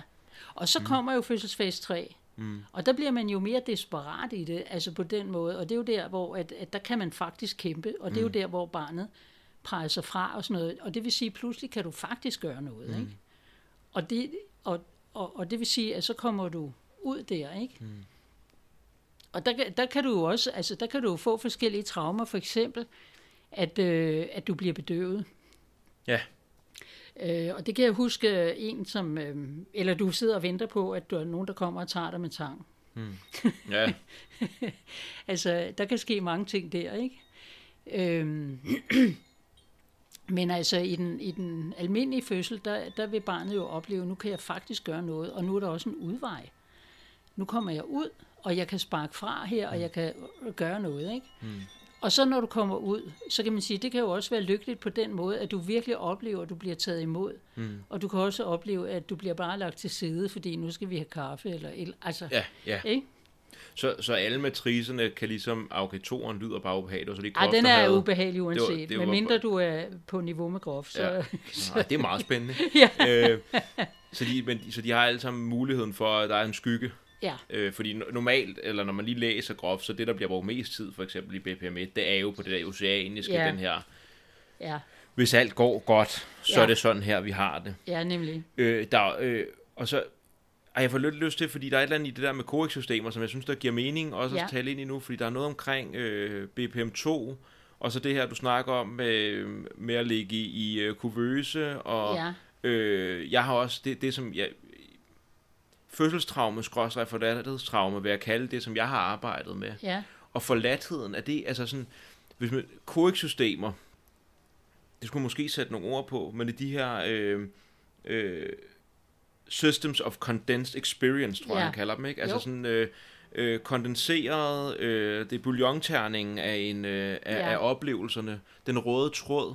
Så det, der har været en eller anden fornemmelse af, øh, for mig, når jeg læser det, sådan, at, at, at det traume, grundmatrisen for eksempel for forladthedstraumet, er nok toeren, BPM2 ja, min verden har for, min min tryghed, min sikkerhed, øh, min min næringsfulde øh, moder, øh, hele det her har forladt mig. Det er Ja. væk. Jeg er blevet sat i total forvirring. ja, Så kommer man ud, bliver lagt i ku- kuvøse, og det er det, sådan som jeg forstår det, så det samme, det er forladthed. det er forladthed, det er samme matrice, det er samme øh, smag, Ja, det fordi kører du videre kan på. ikke gøre noget, Nej, når du ligger i den der kuvøse. Og forvirring og... alt muligt. Ja. Altså, det, altså, når folk kommer tilbage i de der kuvøse oplevelser, Ja. så er det jo frygtelig, frygtelig, frygtelig, ikke? Yes. Det er det. Øh, altså, der er de jo blevet bedre til det, fordi at de nu ligesom, øh, altså dem, der tager sig af kuvøsebørnene, gør noget, og, og dem, der er forældre til det her kuvøsebarn, får lov at være der. Mm. Øh, og det vil sige, at barnet jo nogle gange bliver taget ud og bliver holdt om, eller der bliver gjort ting for, at, øh, at det ikke skal føle sig forladt, ikke? Ja, så man gør, gør sit for, at der kommer en kontakt. Ja, Fordi vel det der... Så normaltilstanden barnet var vant til, var jo netop den her enhedsoplevelse, hvis det er gået godt, hvis det har Ja, en, ja. en god livmor. Øh, der er tryghed, der er næring, der er varme, ja, ja, og, der er nogen, og de synger til mig, og, og er hjertebanken, og det hele. Ja, ja, Og, og, og, og det er jo også det er jo der, hvor den, den lykkelige fase 4, den opstår, det er, hvis, hvis du så igen bliver lagt på morens bryst, ja. Du kan ikke høre hjertebanken, og nu er det en ny form for enhed, ja men eller det er ny, det samme. men det er det samme Ja, i ny form. ja, Øh, hvis, det, hvis, hvis det så ikke sker, og man havner i kuvøsen, så er det lidt ligesom om, man allerede der sidder lidt fast ja. i fase 2, ja. på en eller anden måde. Ja, fordi det bliver jo en, en fortsættelse af, at du bare ligger der og kan ikke gøre noget. Ja. Du er sat ud af spillet, Du ikke? er sat ud af spillet. Ja. Så øh, og grund til, at jeg lige nævnte COEX-systemer der, det er også fordi, så når du snakker om BPM3, der gad jeg også godt se, om du har nogle drømme på den. Ja, ja, Øh, men, men- der, men det er bare lige for at komme med en lille kommentar Ja. på det. Det lyder, det er jo også der, hvor altså, jeg tror også, at Groffan snakker om, at det der er, at helten opstår. Ja, Men jeg tænker også, det er jo der egoet ja, ja. ser dagens lys, ikke? Jo, ja, På- der går lidt på år Jo, endnu, jo, men, jo, men, men, men, men jo grundmatrisen der- for Jo. det, en, Men- der kæmper, men det er jo der, du oplever, at du er forskellig fra din mor. Yes, Ja. Fordi det, det er hende, der gør ondt på dig, og Ja. det er dig, der gør ondt på hende. Ja. Og selvfølgelig, brr, altså, så ved jeg ikke, hvor superbevidst man er om det i den situation, men man oplever det jo i hvert fald, ikke? Mm. Og det vil sige, at man oplever jo adskillelsen der. Ja, så det er måske ikke en metakognitiv, altså det er det helt Nej. sikkert ikke en metakognitiv bevidsthed, men Nej. det er en erfaret bevidsthed af, okay, Ja. det Ja. sted, jeg engang var en del af, som nærede mig, Ja, vi, der er et eller andet her, der er øh, konfliktdynamik Ja. kørende. ja, Ja. det er der. Og det er også det, jeg mente med, med grund, sådan grundmatrisen for egoet. Fordi Ja. egoet kræver jo netop, at der er et mig og et dig. Ja, Ja. og det, det oplever man jo ikke helt, fordi man, hvis det stadigvæk fortsætter, så, så fortsætter det der barn jo videre ind i sådan en, nu i en anden form for, ku, ikke kuvøse, men, men en anden livmors tilstand, hvor du ligger i vuggen, Ja. og du ligger på armen, ikke? Ja. Altså, og Med du, brystet og... Ja, Ja. ja. Mm, Så det vil sige, det, det fortsætter jo bare ja. i virkeligheden. Ja. Men, men så det er som om, altså det jeg bare synes, der er så interessant, for eksempel med fase 3, og, øh, at, at det virker som om, at det ligger den, de erfaringer i de fire faser, der bliver gjort i de fire faser, ja, er grundlaget for enhver anden erfaring, vi gør os resten af livet. det er det. Altså når, når vi følger, følger erf- erfaringstråden tilbage, så er det det, vi ender tilbage til. Ja, det er, det er grundlaget for en handling. Ja. Det er grundlaget for enhver handling, altså på den måde, at du, du står i en situation, fødselsfase 1, øh, du beslutter, du, du begynder at føle, at her skal ske noget. Mm. Det er fødselsfase 2, Ja. der hedder sådan, der sker noget nu.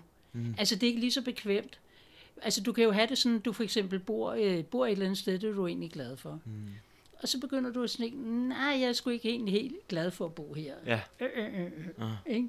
Nå, skal jeg have et nyt tæppe, eller skal jeg faktisk flytte, Ja. eller skal Ja. jeg bygge ovenpå, eller Ja. hvad skal jeg gøre? Ikke? Ja. Og det vil sige, at, at så er du i fødselsfase 2, hvad, hvad, hvad kan, hvad, hvad, hvad, hvad, hvad, ikke? Ja. Altså, så kommer alle de der forskellige forvirringer. Jamen, hvad er det, hvorfor er det, jeg er utilfreds med at bo her lige nu? Ja, så det er også, når du stiller, når du stiller spørgsmål på den måde, så er det ja. Jo faktisk også det der med, at man er blevet lige pludselig, at du bare er blevet placeret, at du er kastet ned i forvirringen, Ja. og ned i, Ja, hvad skal der ske? Ja, og du kan ikke selv forklare, hvorfor du pludselig, Nej. fra at du har været glad for at bo der, ja, så kan man komme med alle mulige forklaringer, at det er også blevet for stort, eller det er blevet for småt, eller det er blevet dit og dat. Ja, ja. Men det kommer i virkeligheden et andet sted fra, at du føler en eller anden ubekvemhed, som du ikke kan sætte ord på. Ja. Og så prøver du jo alt muligt. Vil det her hjælpe? Skal jeg pusse vinduerne? Skal jeg... du ved, hvad skal jeg gøre? Ja, Ikke? ja. Og, og, og det bliver bare ved. Mm. Ikke? Og så, øh, så, begy- så er det så, at det begynder ligesom at tage form. Mm. At, øh, nej, nu ved jeg, hvad det er, jeg vil. Ikke? Mm. jeg vil faktisk øh, bygge ud, mm. eller jeg vil, jeg vil flytte, eller jeg vil gøre et eller andet. Ikke? Mm. Og det der, det tager form, og der kommer du til det, der hedder point of no return. Ikke? Ja. At nu bliver jeg nødt til at gøre noget ved det. Ikke? Mm. Og så er det så, at, at du går i gang med for eksempel at flytte, altså prøve at finde ud af, hvad kan, hvor kan jeg ellers bo, eller hvordan kan jeg komme af med det her sted og få det nye sted. Ikke? Mm. Øh, øh, og, og det er jo så den der fødselsfase 3, fordi nu kan du se udvejen. Ikke? Ja. Ja, du kan arbejde mod den. Ja, Det er også, at det, handlen kan først, eller det, der, før er du bare forvirret. der Hvad du bare skal jeg forvirret. gøre? Ja, hvad skal jeg gøre? Ikke? Ja, ja. Og så når du, når, du, når du gør det, så kan man så sige, at så flytter du måske, og så kan det godt være, at du bliver rigtig skuffet, fordi det var slet ikke, altså det blev slet ikke godt. Mm. Og det er jo det samme, når du bliver født, at, øh, at så bliver du, altså så ser du dine forældre, og så tænker du, oh no, ikke? Mm. det var ikke sjovt det her. Mm. Altså det kommer ikke til at spille, vel? Mm. altså enten fordi, at man, man fornemmer, at forældrene, altså man kan, det, det har man jo nok også fornemmet i, i, i fostertilstanden, men, men, altså, øh, men også det der med, at man måske bare ikke bliver behandlet særlig godt. Ja. Og det kan jeg huske en gang, øh, en kvinde, jeg arbejdede med, som var med på holotropi, og det var lige så varmt, som det er i dag. Mm. Og vi gik i gang der. og hun frøs.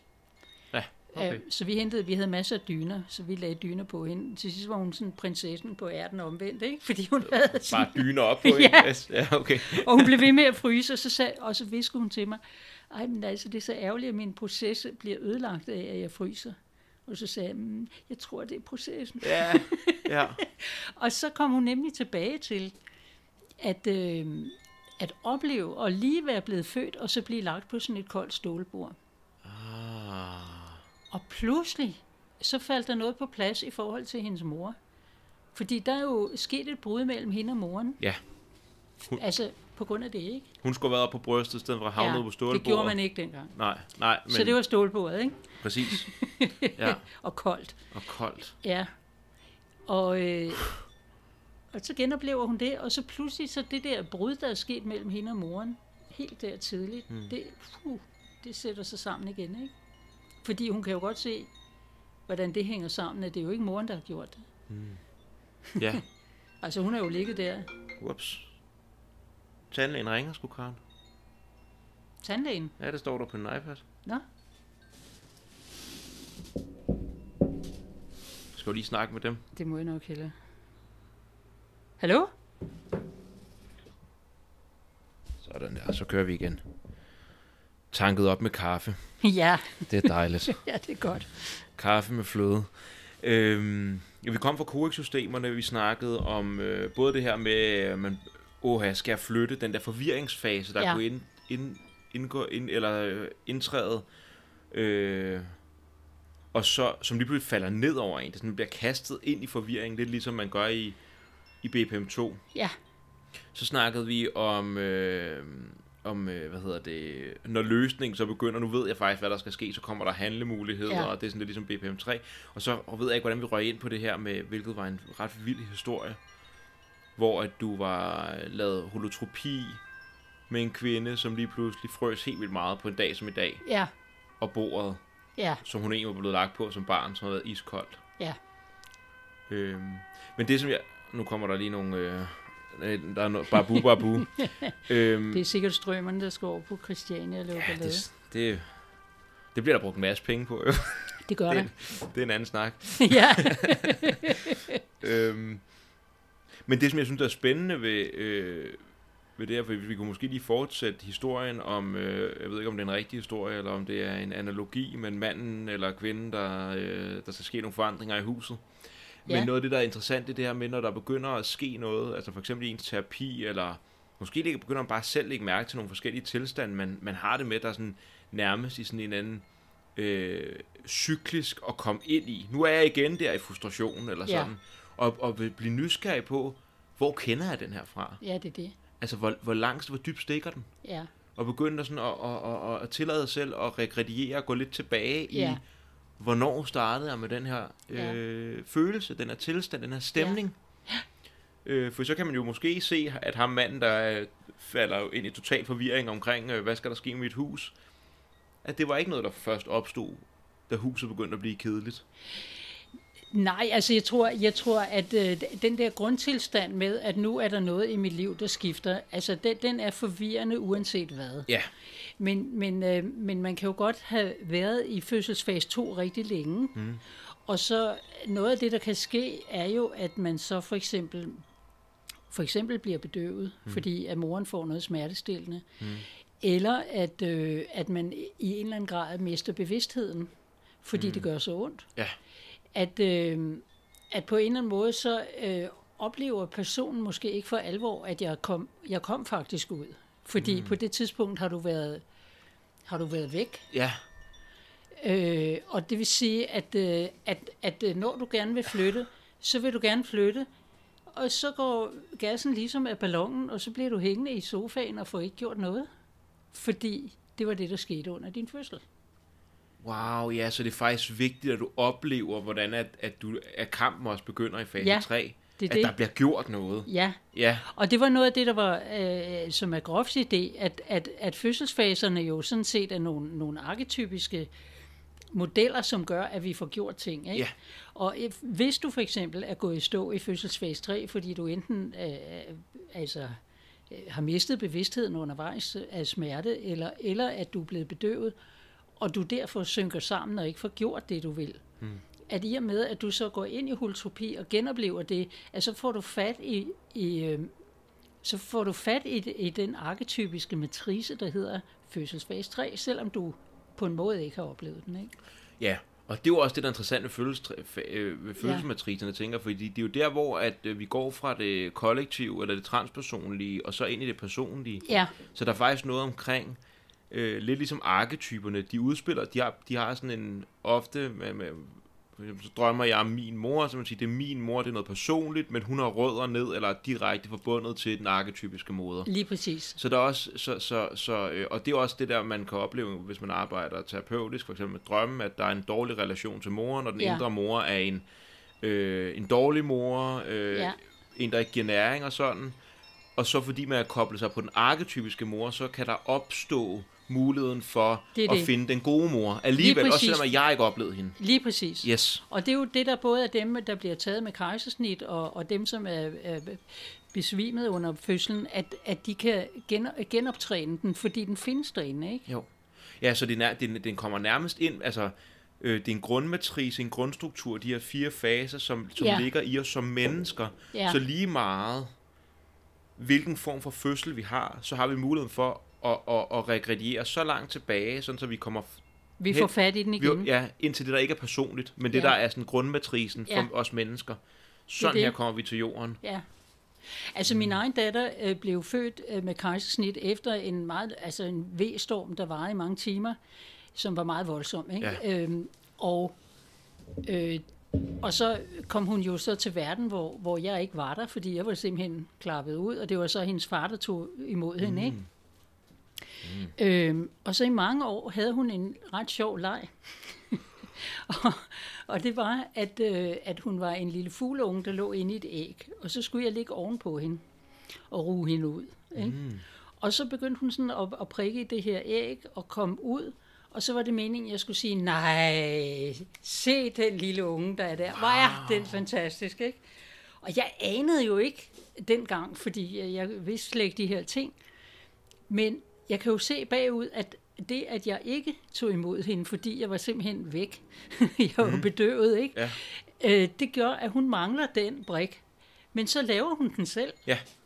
Og så lavede vi den der leg masser af gange, og jeg tænkte, det var da en sjov leg, jeg har aldrig hørt om den før, vel? Men, og så endnu Det er en leg, der opstod ud af... Altså, den opstod ud af hendes behov. Ja, ja, den indre healer. Den indre healer går ja. bare i gang. Ja. Det var den ene ting, der skete. Den anden ting var, at hun virkelig gerne ville slås med mig. Ja. Så vi har simpelthen slåsset for fuld skrue, altså for sjov selvfølgelig, ja. men altså hvor hun virkelig har brugt sine kræfter, og hun har virkelig prøvet at få mig ned og sådan noget. Ikke? Ja. Og det snakkede jeg nemlig med Groff om, og så sagde han, jamen det skal du bare blive ved med, fordi at på den måde, så får hun det der slagsmål med dig. Hun, tog Kaj, hun kom ud med kejsen, hun fik ikke slagsmålet, Nej. og så er der noget af hende, der går i gang med, vi, den her, den matrice ja. ligger der stadig. Den ligger der er noget energi, og den går der bare ikke i er- gang. Ja, og det energi, den skal nærmest i Ja. gang, igennem matrisen. Mm. Vi skal have haft den slåskamp med mor, Ja, for vi kan rigtig, jeg tænker, det er noget med at blive selvstændig og sådan noget, og faktisk også alt muligt. adskille sig. Ja, ja, netop adskille sig også. Fordi wow. når vi ligger der og slås, så kan man jo godt mærke, at vi er altså to forskellige, ikke? Fuldstændig. Og hvor ville det være en sejr, hvis jeg faktisk vandt over mor der. Og det gjorde hun jo nogle Nej, gange, ikke? Ja, ja. Sådan, den gode nok mor. Nogle gange vandt jeg også. Ja, Nå, det er det. Den gode nok, mor. men, Ja. men, men det sjove var så, at så møder jeg en af mine kolleger på et tidspunkt, og fortæller den her historie. Ikke? Og så siger hun, Gud, jamen det er sjovt, jeg havde, har haft en tilsvarende fødsel som dig, og, og jeg har bare fået en søn. Men han er leget nøjagtigt den samme leg, bortset fra, at han var en reptil. Mm. Så han var en reptil, der kom ud af sit æg, og så skulle reptilmor være meget glad for det her reptilbarn. Wow. Er det ikke vildt? Vildt nok. Ja. Ja, så der... På, på en eller anden, det, lyder, det lyder vildt og sådan noget, og, og, og sådan, men på et eller andet plan, så er der også meget... Selvfølgelig, Ja, selvfølgelig skal vi igennem groft sagt de samme faser som mennesker, Ja. og, og, og organismen, hvis den ikke kommer, hvis den ikke, ja så strikker den bare bagefter. ja, så skal vi tilbage, og så skal vi nok få det udfyldt. Så strikker han den, ja. Ja, Eller hun gør, ikke? ja, ja. Der er også en anden utrolig historie, hvor at, øh, en, en fyr, øh, han, han går igennem fødselskanalen der i, i Ultropi, og, og mig og, og hende, jeg arbejder sammen med, vi sidder og holder ham. Han er to meter lang, du ved ikke, så mm. det, vi laver fødselskanal til ham. Yes. to meter. Nå, Lang fødselskanal lige men her. øh, historien med ham er, at, at han var han var regulært dødfødt. Han, han var erklæret død, da han kom ud. Okay.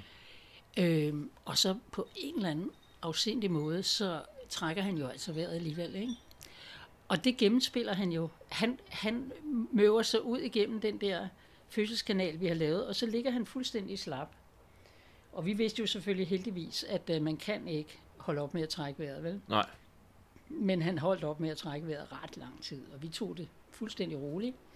Min partner var også læge, så det var Okay. betryggende. Oh, yes. Men, øh, men, men faktisk i holotopi, så i, i lange perioder trækker man ikke vejret. Nå, men det er en anden historie. Men også godt iltet igennem, kan man sige. man er iltet rimelig godt igennem. Ja. Men, men så lige pludselig trak han vejret, ikke? Og der oplevede han jo så, fordi at der var han jo så bevidst, eller delvis bevidst, ikke? Mm. Men der oplevede han jo, Gud, jeg kom til live. Mm. Og der oplevede han så, noget af mig har faktisk altid troet, jeg var død. Men, men der tror jeg også, du rammer du noget, som jeg synes, der er virkelig er Ja. spændende, det der med det faktisk at bringe bevidsthed. Det, det at Ja. genindspil, og, og jeg tænker også, det er det, din datter gør, Ja, at hun får en fase, som hun skulle have Ja. gennemlevet bevidst, kunne hun ikke gennemleve, og så Nej. øh, kunne man snakke om, at, at når vi går tilbage, at så er der måske endnu flere bevidsthedsgrader, der er også en, måske Ja. en meta ja, ja. kognitiv bevidsthed, som, Klart. som, som øh, ligesom aflader, eller også opklarer, eller forbinder ja. os til noget, som på en eller anden måde determinerer meget i vores liv, Ja, men som er sådan, ligesom sådan nogle usynlige tråde, og lige bliver det lidt mere klart. ja. Og så kan man sige, at den energi, der har været bundet i det traume, har jo chance for at give slip, ikke? Ja. Det har det. Ja, fordi det nærmest ikke er isoleret med, at nu er forbundet os til det. Nu er med, det forbundet, Ja. ikke? Og, og, og så har man en forståelse af, at det, det, det er min skæbne, der har været sådan. Ja. Øh, men, men det er jo klart, altså igen, at når, når, øh, når ligesom de der fødselsmatricer kan få lov til at, at køre sådan, som de skal, så, så er der ikke grus i maskineriet. Mm. Og det vil sige, at så bliver man jo, og det gør man jo hele livet, indimellem forvirret over, hvad er det, hvor er det, jeg skal videre hen, og, og nu er jeg træt af det her gamle, og nu vil jeg også hellere noget andet, og noget, man måske har været rigtig glad for, er pludselig har slet ikke den der. Det, det synes jeg, så det er spændende også, fordi så, så er der ligesom om, så er der to måder. Ikke? Der er den her, hvor vi slet ikke har øje for, at der også er sådan den her indre proces i gang, hvor den indre healer Ja, ligesom får, får, får sat dig i omstændigheder, sådan så du igen kan genopleve ja, en eller anden fase i fødselstraumet, ja. og måske koeksystemet hele vejen derned til, hvis man ja. Skulle tage det med, med, ikke? Øh, og, men det er på et indre plan, det er selvfølgelig også på et ydre, fordi vi ikke kan adskille det, men, men måden, som vi måske ofte vælger at håndtere de ting er på, jamen, det er så, jamen, så skulle jeg nok have nyt køkken. ja. Øhm, så hvornår ved, det, jeg spørger bare, det, jeg ved ikke, om du har svar på det, men hvornår, hvordan, hvordan går vi så med den her forvirring? er det øh, en total forandring og ommøblering i huset, eller Ja, hvis jeg bare være- gør det på et indre plan, forsvinder forvirringen, så er jeg så stadig tilfreds i huset? Det er jo fuldstændig forskelligt. Ja. Fordi det kommer jo an på, altså fordi netop kan det jo være, at du rent faktisk skal have et nyt køkken, ikke? ja, det kunne jo være. Ja. Øh, og, og at det faktisk vil, vil ændre rigtig meget i dit liv, fordi du faktisk får det der køkken, du gerne vil have, og, og ja. den irritation over de gamle skabe og sådan noget, den er ude af billedet. Mm. Men, men meget ofte er det jo en indre møblering, Ja. det handler om, ikke? Jo. Og, og de to hænger vel også tit sammen. Altså, jeg ved ikke, hvis folk de kender det der med i perioder, hvis det roder meget, eller er lidt beskidt i hjemmet, Ja, så lige pludselig en eller anden dag, så får man nok, så gør man rent, og så Ja. ændrer den indre tilstand sig simultant Nemlig. samtidig med. Nemlig. Ja. Og der kan man sige, der har man jo så været i fødselsfase 2 noget tid, fordi ja. man, man gad sgu ikke at gøre rent. Nej, jeg kunne måske slet ikke finde ud af det. Nej, Det kender jeg. Det, det kender Ja, jeg, ja. det der, hvor, hvor man siger selv, jeg burde rydde op. Ja. Og så sidder man bare og kigger på det. Ja, og det bliver ikke til noget. Det bliver ikke til noget. Nej. Nej. Nej, der er vi ikke i gang med, der er vi ikke kommet ind i handlekraften endnu i, Nej. øh, i fase 3. Nej. Nej, det er det. Ah, hvor er det fedt. Så har jeg lige, øh, Ja. jeg, jeg, jeg, jeg fik lige, mens vi sad og snakkede, og du fortalte om det her med din, din datter, der ligesom øh, genskabte Ja. øh, fødslen igennem den her leg her. Ja, Det er noget helt andet, men mindet kom bare lige op, og det er et ja. Relativt frisk minde, fordi at, øh, som jeg gennemgik øh, forladthedstraumet, eller fødselstraumet, i mine drømme, ja, så det, der skete i min, øh, i min relation til min partner, var, at øh, det blev meget, meget tydeligt, ligesom, at, at faktisk at billedet af mor ja. blev trukket fra min mor over på, på hende. på hende, Ja, men ikke på sådan en eller anden ubevidst måde, på en ret sådan, øh, klar måde. ja, Og der begyndte at ske sådan en eller anden, øh, sådan som jeg oplevede det, en øh, differentiering mellem øh, det nærende og omsorgsfulde i moren, og så animaen sådan tiltrækkende side. ja, Jeg ved ikke, om det giver mening jo, eller sådan. Øh, og noget af det der, øh, det, der skete, det var, at øh, jeg havde det oplevelse under et samleje, at jeg blev, jeg, jeg følte mig som, i løbet af samlejet begyndte jeg at føle mig som et lille, en lille barn. Altså jeg, blev, ja. Jeg, jeg, var ikke, jeg, jeg, jeg var ikke aktiv med i samlejet mere. Jeg blev samlejet. ja, Øh, og og øh, da øh, jeg fik udløsning, så øh, skyllede der en gråd over mig, som jeg øh, sjældent har set mage til. Altså sådan virkelig Ja. fuldstændig forløsende. ja, Og da jeg, jeg, bare når du fortæller det her med genopleve, og vi snakker om det her med genopleve, så kommer jeg til at tænke på det, at det var den fornemmelse, at, jeg, Mhm. at, jeg, at der var, der var der en, at der simpelthen igennem samlejet var mulighed for at komme ned til noget af det samme. ja, fordi at netop, at, at øh, orgasmen jo hænger sammen med den der uddrivelsesfase. Ja. Det gør den simpelthen. Så forløsningen var simpelthen også, åh, så stoppede kampen. Ja. Og så, og så nu er det fuldbragt, ikke? Ja. Det var bare virkelig vildt. Altså det var virkelig ja. Sådan en, hvor at, at simpelthen at øh, bruge indre healer, og det der, altså energien tog mig et sted hen, hvor jeg ikke mere var voksen af Alex, der var i gang. Mm. Jeg, var, jeg var ikke i gang med at have et samleje på den måde. Nej. Øh, men der var en eller anden proces, der gik i gang. Ja. Overvældende for os begge to på en eller anden måde. Ja. Ikke? Fordi sådan, Ja. øhm, men det er også bare fordi, jeg tror også, grund til, at jeg kommer til at tæ- tænke på det, er også fordi Jes Bertelsen bruger meget øh, samlejet som analogi for fødslen. Eller Ja. som en måde at øh, genopleve, hvis man har et bevidst samleje. Jo mere ja. Bevidst det kan være, jo mere, genop, jo mere kan man genopleve parallellerne til fødselstraumet. Ja. Øhm, åh, det var bare... Det var Ja, og så i det hele taget jo også at få den spirituelle kontakt. ja. Kan du sætte nogle flere ord på det? Ja, fordi at i, i orgasmen, der, der sprænges egoet jo. Ja.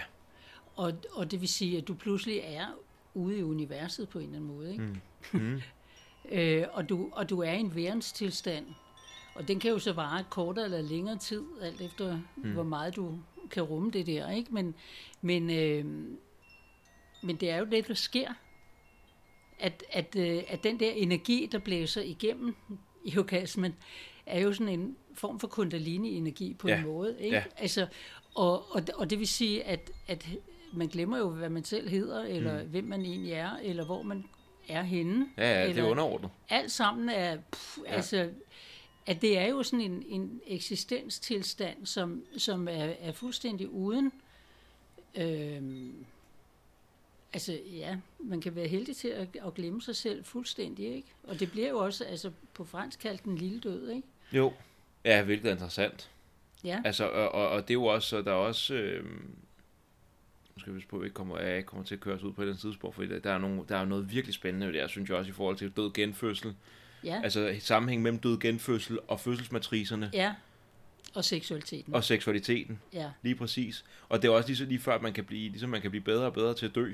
Altså sådan, det er jo det er også Ja. ja. dødstræning i, mystici, i de mystiske ja. traditioner. mm, At der også er øh, træning i at kunne give mere og mere slip i orgasmen. ja, Altså fordi, at det er i hvert fald noget, der er blevet...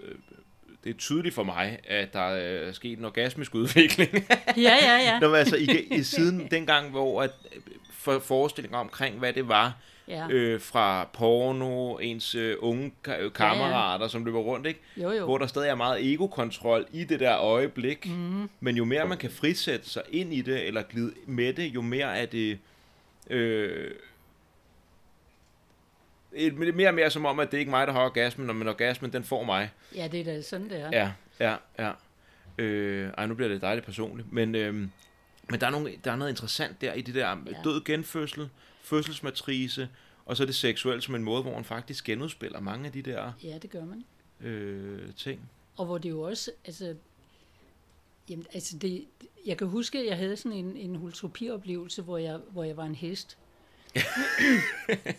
At det startede meget mærkeligt, fordi jeg havde sådan en underlig fornemmelse i mine ører, og så kunne jeg mærke, at mine ører gled opad.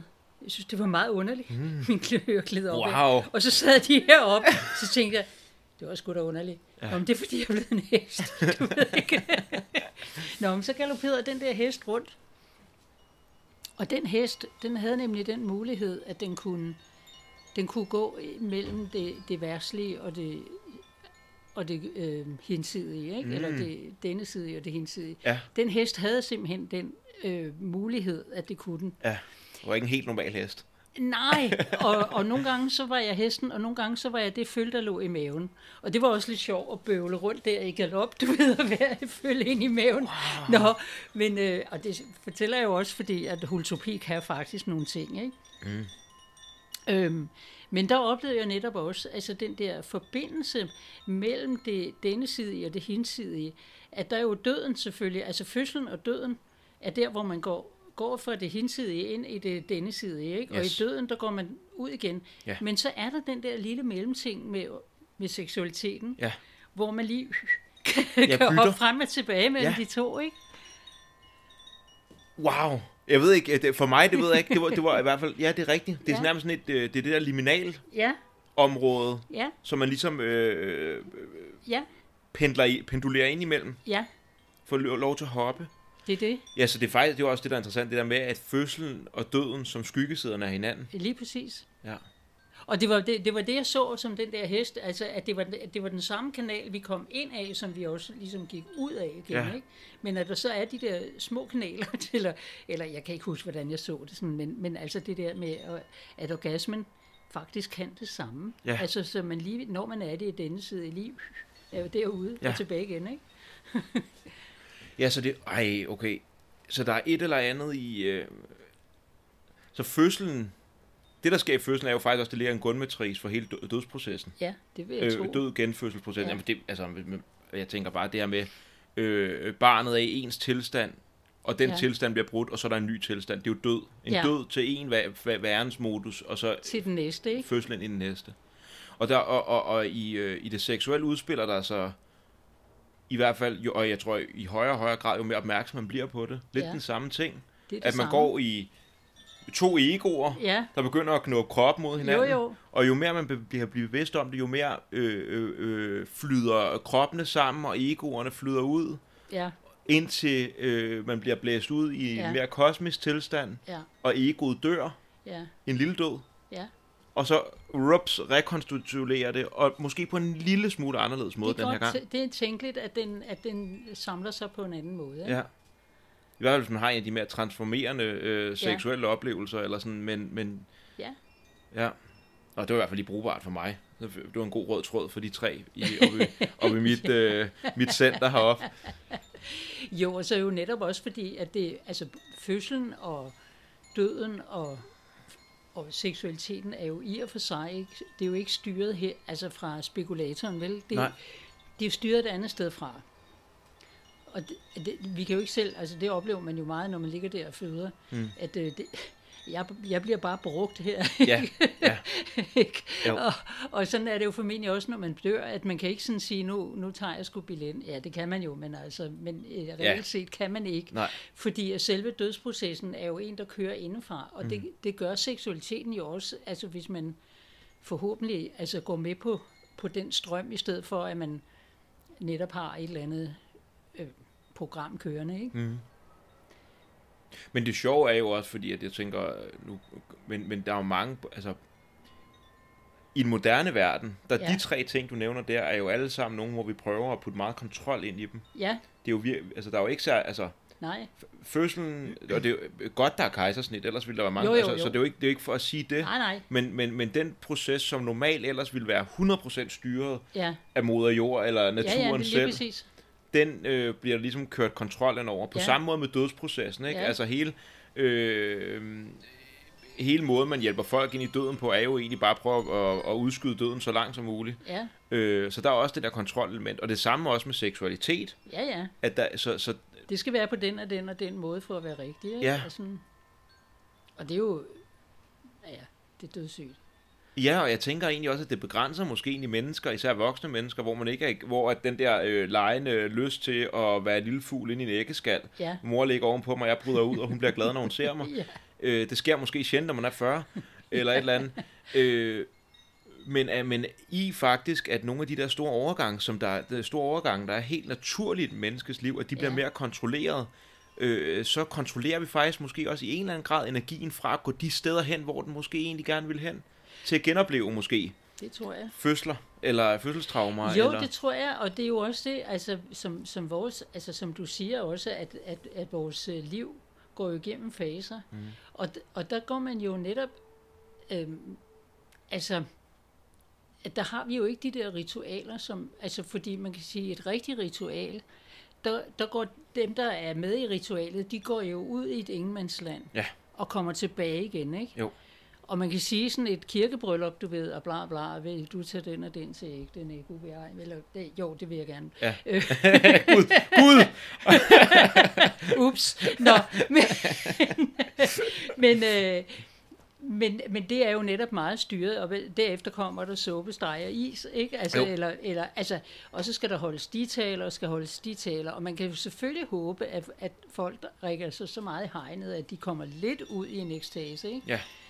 Men, men, men det handler jo om, når man, når man går igennem de der, at man skal ud i det ekstatiske område, Ja, for at kunne komme tilbage som den nye. Ja. Ikke?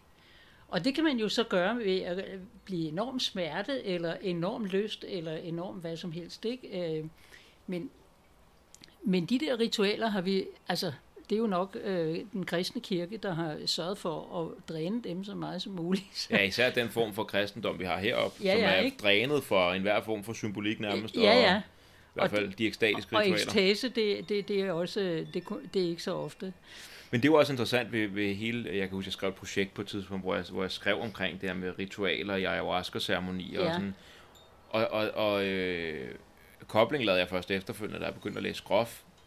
Ja, Men ritualet er jo, øh, ritualets grundmatrice er jo også øh, død genfødslen eller øh, fødselsmatricerne. At det er, Ja, lidt, det er det, det er samme. det. Det er jeg, jeg kommer ind samme. som, jeg er Alexander, jeg går ind Ja. i det her ritual. Mig, ego, bum, jeg ved, hvem jeg er. ja, Og lige pludselig så ritualet skulle helst stille mig i den der fornemmelse af forvirring og under. Ja. Og så er der en delte- et deltagende element Ja. i ritualet, og så kommer jeg tilbage, og så er jeg konstitueret på en lille smule anderledes måde. Det er det. Og det er jo også noget det, Groff har sagt, altså siger, at hvis du analyserer, hvad der foregår i et i, i sådan en øh, initiering af en art, så ja. er det fuldstændig en død genfødselsproces, ja. som følger fødslen. Mm. Fordi du netop, du dør jo som foster og genopstår som barn. Ikke? Ja. Og i andre årgange, der dør du som øh, single kvinde eller single mand, og bliver født ind i øh, ægteskabet.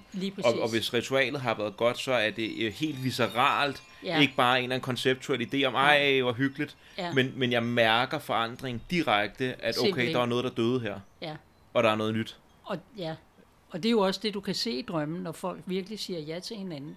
Ja, så er der rigtig, meget ofte dødsdrømme. Ja. Fordi man netop dør som den, man var. Fordi nu går man ind i det parforhold der. Mm. Og det ændrer jo en grundlæggende, at man gør det.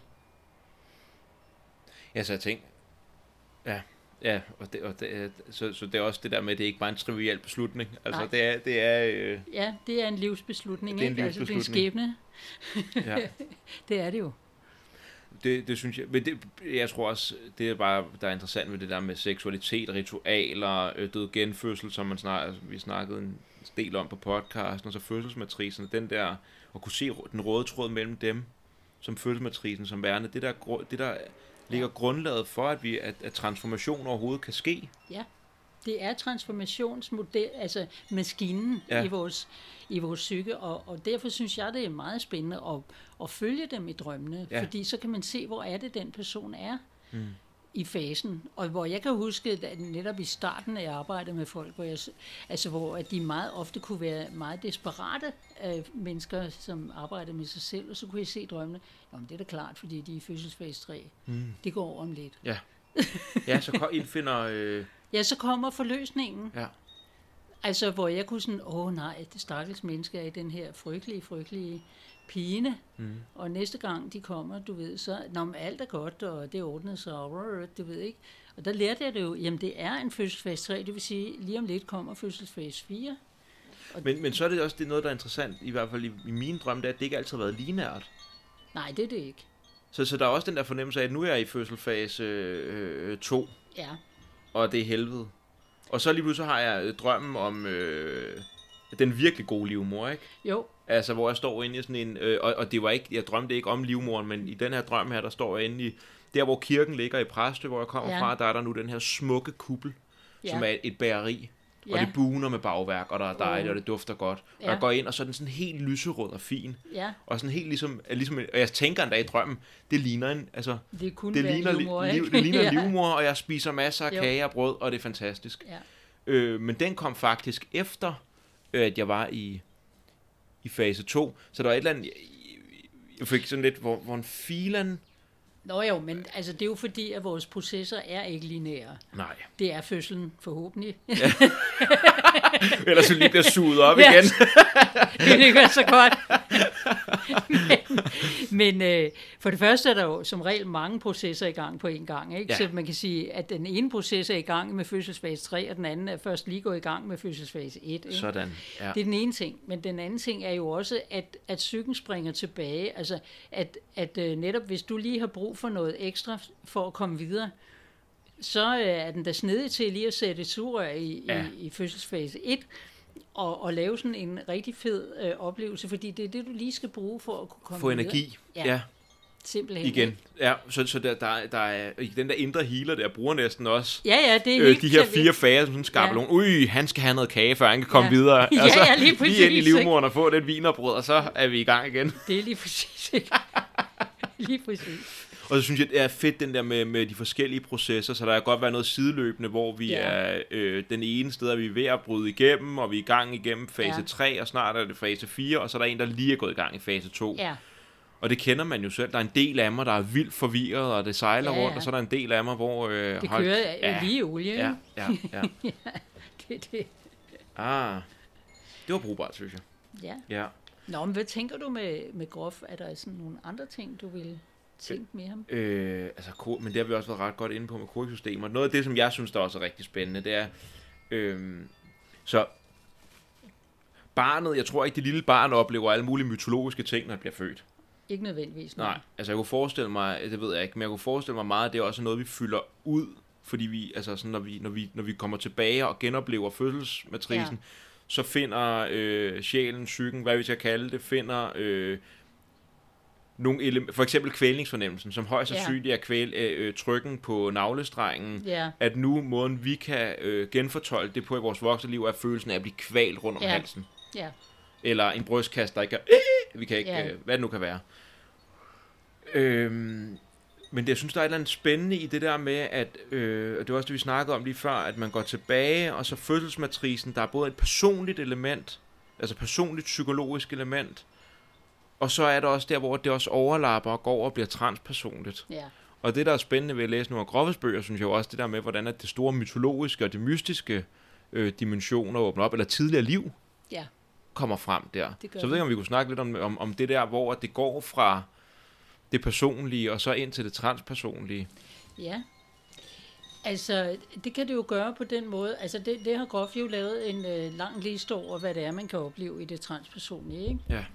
Det er ikke sikkert, at jeg kan huske dem alle sammen, men, men det, jeg selv har oplevet meget, det er, det er dels nogle tidligere liv, og så også nogle historiske perioder. Ja.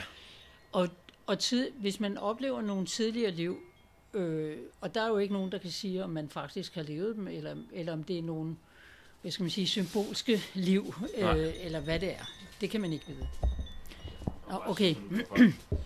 Yes. Men, øh, men, men det man jo oplever ved at opleve tidligere liv, uanset om man skal opfatte det symbolsk eller konkret, det er jo, at man kan forstå, at der er en eller anden øh, struktur eller dynamik eller et traume, eller, og det kan også være nogle gode ting, man oplever i tidligere mm. liv. Ikke? Mm. Selvfølgelig, altså øh, netop øh, kan man jo, altså hvis, hvis der er noget, man har svært ved i det her liv, så kan det jo være en meget skøn oplevelse. Jeg kan huske en, der øh, havde meget svært ved at, at finde øh, altså kærligheden i livet, og, og så oplevede et tidligere liv, hvor at der bare havde været fuld skrue og kærlighed og dejlig parforhold, fuld, og ja. livet ud, du ved, Ja. altså er den rigtig gode slags, ikke? Mm.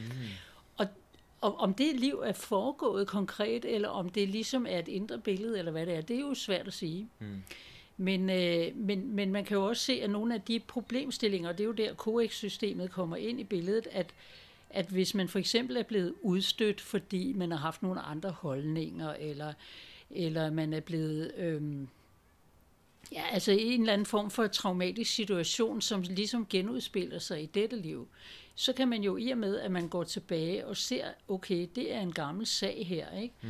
Og, og det vil sige, at man har nogle, nogle, nogle, ligesom nogle øh, negative strukturer, som jo er COEX-systemet, som på en eller anden måde bliver ved med at gentage sig.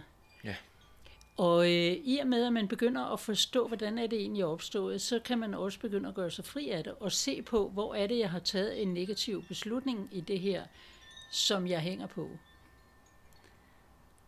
Og Altså, det er jo- det, Ja, det, er altså, det er jo... Øh, det fucker jo virkelig meget, hvis man øh, på en, altså man kan godt bare se det symbolsk, men allerede når vi snakker om det på den her måde, så begynder Ja. der også at ryge lidt sådan, nå okay, så hvorfor, hvordan, hvordan Ja. lige det, og hvordan kan det være, at det kobler sig direkte op på, for eksempel den her med ikke at have, hvis man nu ikke har haft grundmatri, eller haft oplevelsen, som skulle give, oplevelsen af kærlighed og tryghed, som skulle give grundmatrisen for at kunne opdyrke mere kærlighed og tryghed Ja. i den relationer senere hen, det har du ikke haft i det her liv.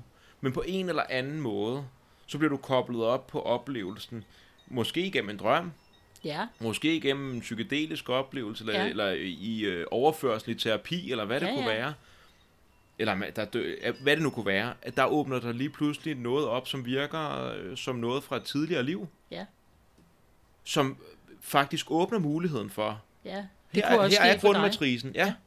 Det kunne også ske for dig, ikke? Og, og, der, og der kan man så sige, at det, det, det man kan få ud af at, at opleve de der tidligere liv, det, altså uanset om man tror på dem eller ej, fordi nogle mennesker har jo så også sagt til mig, jeg, jeg tror ikke på tidligere liv, så sagde jeg, "Men det kan være lige meget. Ja. om du tror på det eller ej. Ja. Fordi det er jo, det er jo det, sådan set det samme med drømme. Der sker alt muligt mærkelige drømme, og det er jo ikke sket i virkeligheden. Det er sket inde i dit eget hoved, altså mm. mens du lå og sov. Ikke? Mm. Så, så øh, når man ser på det sådan, så kan man sige, når, så kan man jo putte øh, tidligere livoplevelser i samme kategori. Ikke? Øh, og, og, men, men det, der jo sker, er, at, at det bliver muligt at, at forløse de der større COEX-systemer. For eksempel, at hvis man har den der grundoplevelse, kærligheden er ikke noget for mig, og man så pludselig oplever det enten i en drøm, eller som du siger, på alle mulige måder. Men altså det, at vedkommende oplevede det i et tidligere liv, gjorde, at, at det blev nemmere, eller der Ja. skete nogle ting. Ikke? Fordi så er der erfaringen. Der er en erfaring. Ja. Jeg, jeg, jeg, jeg tænker også, altså det, det er noget omkring det her med tidligere liv, sådan, om det, hvad, hvad det er, om det var min sjæl, der levede der og sådan, men på en eller anden måde, ligesom der er de her grundmatricer, Ja. vi, vi, vi siger, okay, øh, din datter oplevede ikke fase 3, fordi hun Nej. er taget med kejsersnit. Ja, Hun genop, der er noget i hende, der kender, ja der kender det matrice. alligevel, ikke? som bringer hende derhen. Ja, Jeg tænker lidt på samme måde, hvis man ikke har haft oplevelsen af kærlighed, eller der er et eller andet øh, omkring ja. en eller anden konflikt, man bliver ved med at ramme ind i, og Ja. man kan ikke rigtig løse den igennem det, der er foregået i det her liv, og så bliver man kastet tilbage til en, et, en oplevelse i et tidligere liv, hvor man var i helt samme situation, hvor man faktisk fandt løsningen, og det var noget af det her. Eller sådan, ja. Nå, men det, det, det er jo det tit, når man kommer tilbage, så oplever man, at man netop ikke fandt løsning, og det var derfor, at man ligesom gentager det. ah, okay. så det er derfor, det er vigtigt. Ja, det er derfor, det er vigtigt, fordi at mm. når man så arbejder med det, så kan man jo begynde at se på, var der, var der faktisk en løsning dengang? Mm. Altså, hvor, hvor man kan sige, altså for eksempel, en, en oplevelse, en af mine klienter havde, var, at hun blev brændt på bålet, fordi at hun havde den forkerte oplevelse af, af det guddommelige, ikke? Nå ja, det skulle man passe på med. Og det skulle man lige lade være med. Ja. Øh, og, og, og det, der sker, når hun går på bålet der, eller bliver kastet på bålet, det er jo, at hun føler sig forkert. Ikke? Mm. Og i og med, at vi så arbejder med det, det er jo så med nogle andre metoder end lige holotropi, og det kunne også ske i holotropi helt spontant, det er jo så, at man oplever, jamen jeg er faktisk ikke forkert, det er de andre, der er forkerte. Ikke? Ja. eller det er dem, der gør mig forkert. Ikke? Så det er igen det der med, at bevidstheden kommer tilbage, du kommer tilbage til den Ja. ja. oplevelse, og så har du lidt mere en metakognitiv, Ja. ja. på kedeligt ord, men altså sådan lidt over. Du Ja, kan se lidt oppefra og se, hallo, det er da dem, der er galt på Ja, det. ja. Det er dem, der slår mig ihjel, fordi de ikke kan acceptere det, jeg tænker. Men det er deres problem, det er jo ikke mit problem. Og så tænkte jeg sådan, det der med, om, om man skulle en diskussion omkring, øh, om det er min sjæl, der er rejst ud, det jeg egentlig også vil sige med det, altså det, jeg, Ja. det, den del synes jeg er lidt ligegyldig. Det er øh, den. det er fint, fordi, øh, men, men I kunne også bare sige, at det var noget, der lå, altså den, jeg synes ikke, at det er så vanvittigt at tænke på, at de fællesmenneskelige erfaringer, de ligger i men, altså, Ja, ja, de ligger der. de ligger i os, ligesom at fødselsmatrisen lå Ja, ja. der, eller arketyperne, eller hvad det Jo, fordi være. du kan jo også ryge tilbage i din familiehistorie. Ja. Og, og Ja, det, tak. det, virker jo mere, øh, det virker jo mere naturligt for mange mennesker, og det er jo også noget, det der Hellinger har lavet, altså med familieopstilling, mm. at, at, øh, at du pludselig kommer tilbage til, at din tiboldmor havde det og det problem, så derfor har du problemet. Ja. Øhm, og det, det er ligesom mere spiseligt ja. I vores kultur. Men det er jo ligesom mystisk i virkeligheden, fordi Fuldt. du har aldrig set den der tiboldmor. Altså, du har ikke engang et billede af hende, Mm. vel, fordi at fotografiet var ikke opfundet, og der var ikke nogen, der gad male hende. Altså, så, så du ved ikke, hvad hun var for et menneske, vel? Nej. Og Hvor lever det henne, det der, ikke? Altså, ja, det jo- hvor lever det henne? Ja, Det er et meget godt det spørgsmål. er et meget godt spørgsmål. Ja. Og det er jo der, man begynder at opleve, jamen der er på en eller anden måde nogle kollektive strukturer, som fungerer bag om ryggen på os, eller i hvert fald bag om ryggen på egobevidstheden, ikke? Ja, og som derfor styrer på den måde. Og det er jo det, han kalder KX-systemer, og nogle af dem fungerer jo vældig godt. Altså, hvor man kan sige, at et KX-system, du får, det er, jamen, jeg fikser sgu alle problemerne, at det ordner sig, når det, når det er mig, der er den, ikke? Mm. Det KX-system kan du godt have, og det fungerer sgu faktisk, øh, fordi det er den holdning, du har til det. Jamen, Ja. ja. jeg bliver ved til, det ordner sig, ikke? Øh, og så er der nogen, der har, øh, har det omvendte, der hedder, jamen, jeg kan, det, det lykkes aldrig, når det er mig. Nej.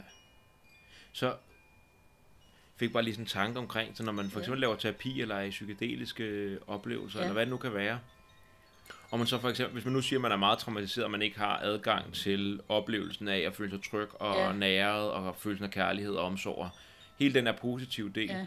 og man så øh, for eksempel øh, får lov til at ligge ved moder jords bryst, og Ja. ligge og suge til sig, og Ja. har oplevelsen af det. Øh, jeg, jeg tror, jeg taler for, om det her, fordi at jeg har hørt i delinger, jeg har set det hos klienter, jeg har oplevet det hos mig selv, at det er også ligesom om, at et KX-system et system kan sådan øh, øh, bagudrettet Ja. øh, etablere sig selv. Jamen, det kan det nemlig. Øh, at jeg får, som 28-årig fik jeg kontakt til den moderlige kærlighed, og lige Ja. pludselig så, så ændrede billedet sig også min mor som barn. Nå, der var den der situation. Den Og der var god. faktisk. Ja. Ja. ja. Det er det. Fordi traumet fylder jo altid frygtelig meget. Ikke? Ja. Altså hvis man har fået en masse tæsk, så kan man jo ikke huske de der par gange, hvor man faktisk havde det hyggeligt, og Nej. hvor der blev læst historie. ikke? Nej. Men det kommer frem, hvis man får, får de andre ting til at altså få, få dem ud af systemet. Ikke? Mm. mm.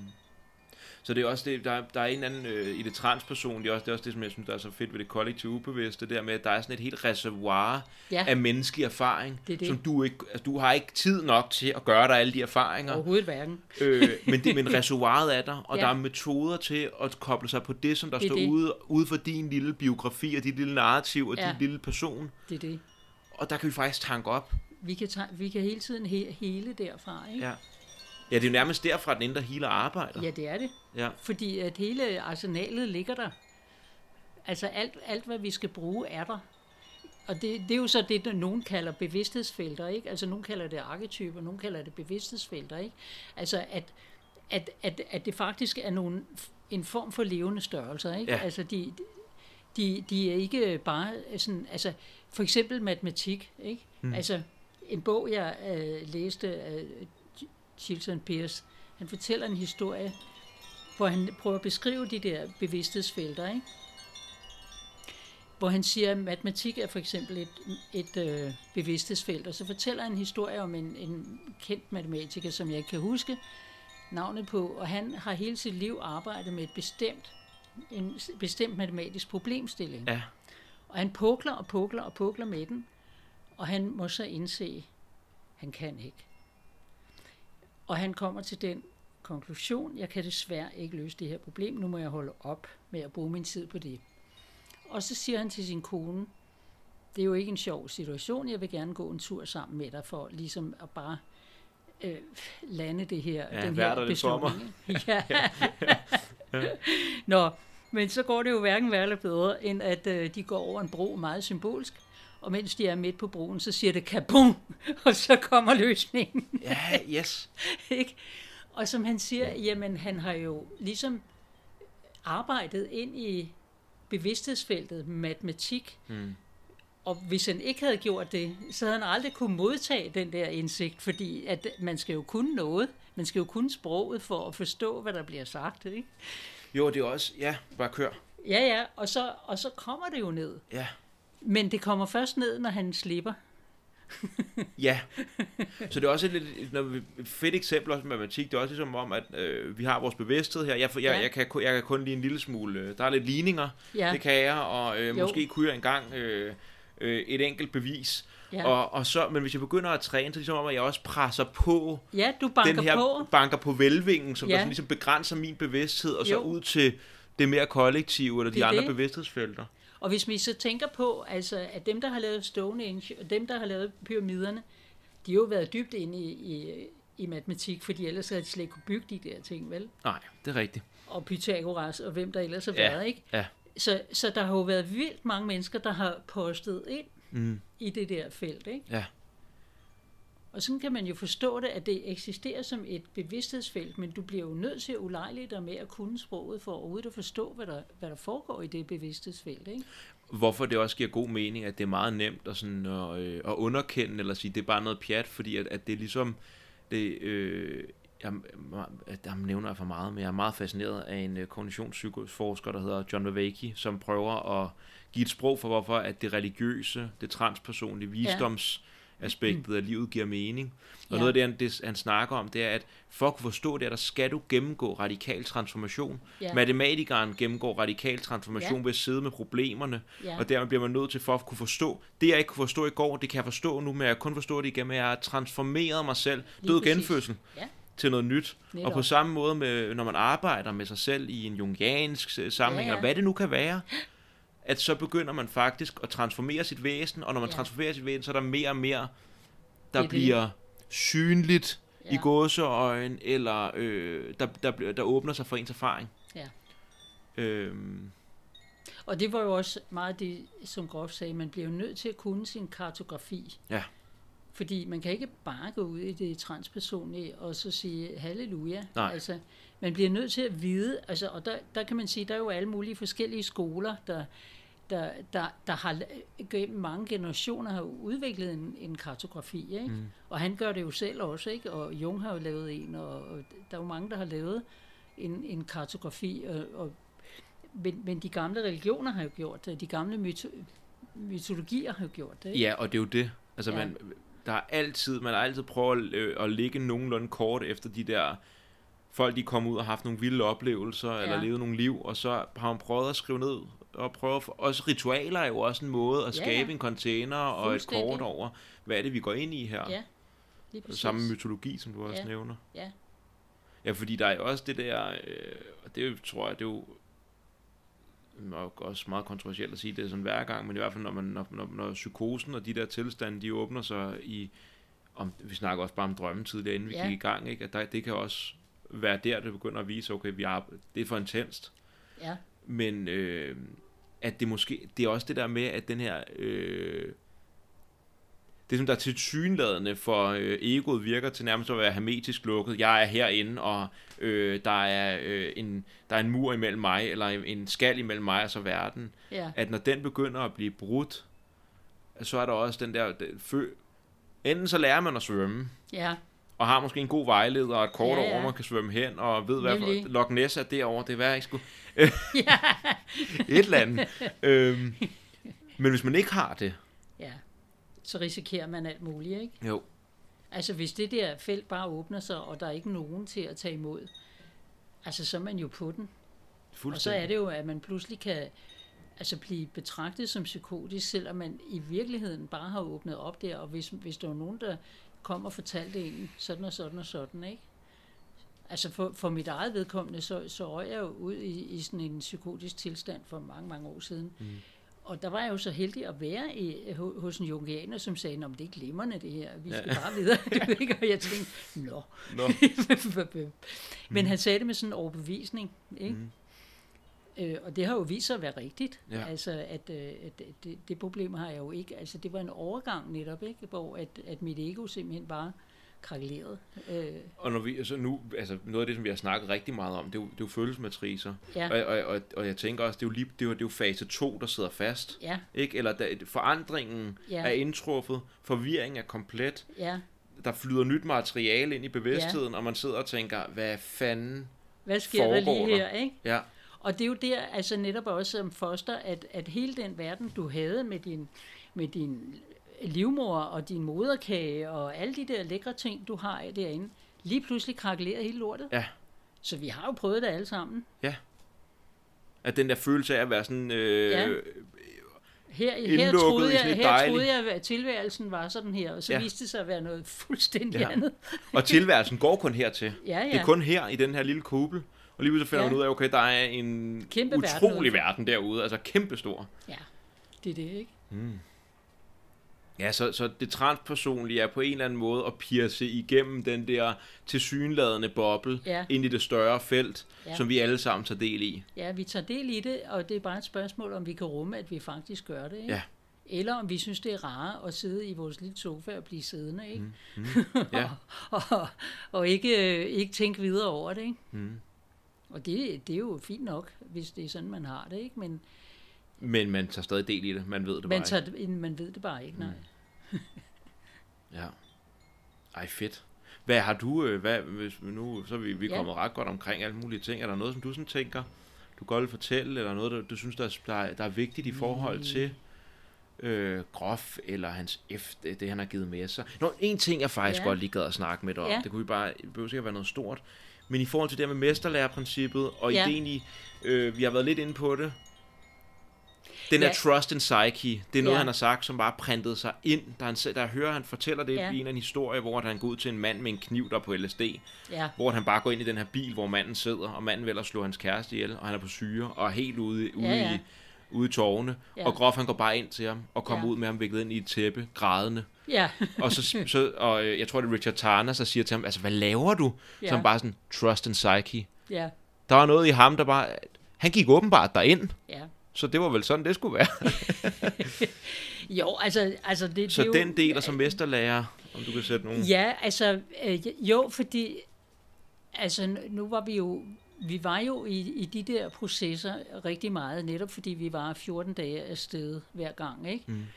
Og, og der gik folk jo i virke, igennem de der meget dybe processer, og det vi så, det der så, altså, og, og fordi han netop stod der, og han var fuldstændig rolig, altså der var total rock i, i synagogen, for mm. råbte og skreg og sådan noget. Jeg kan også huske, vi lavede det jo der, der altså til hans fødselsdags ting der, der, ja. der havde vi sådan en weekend ude øh, i en roklub ude øh, ved Svanemøllen. Meget smukt, hvor vi kiggede ud over havet.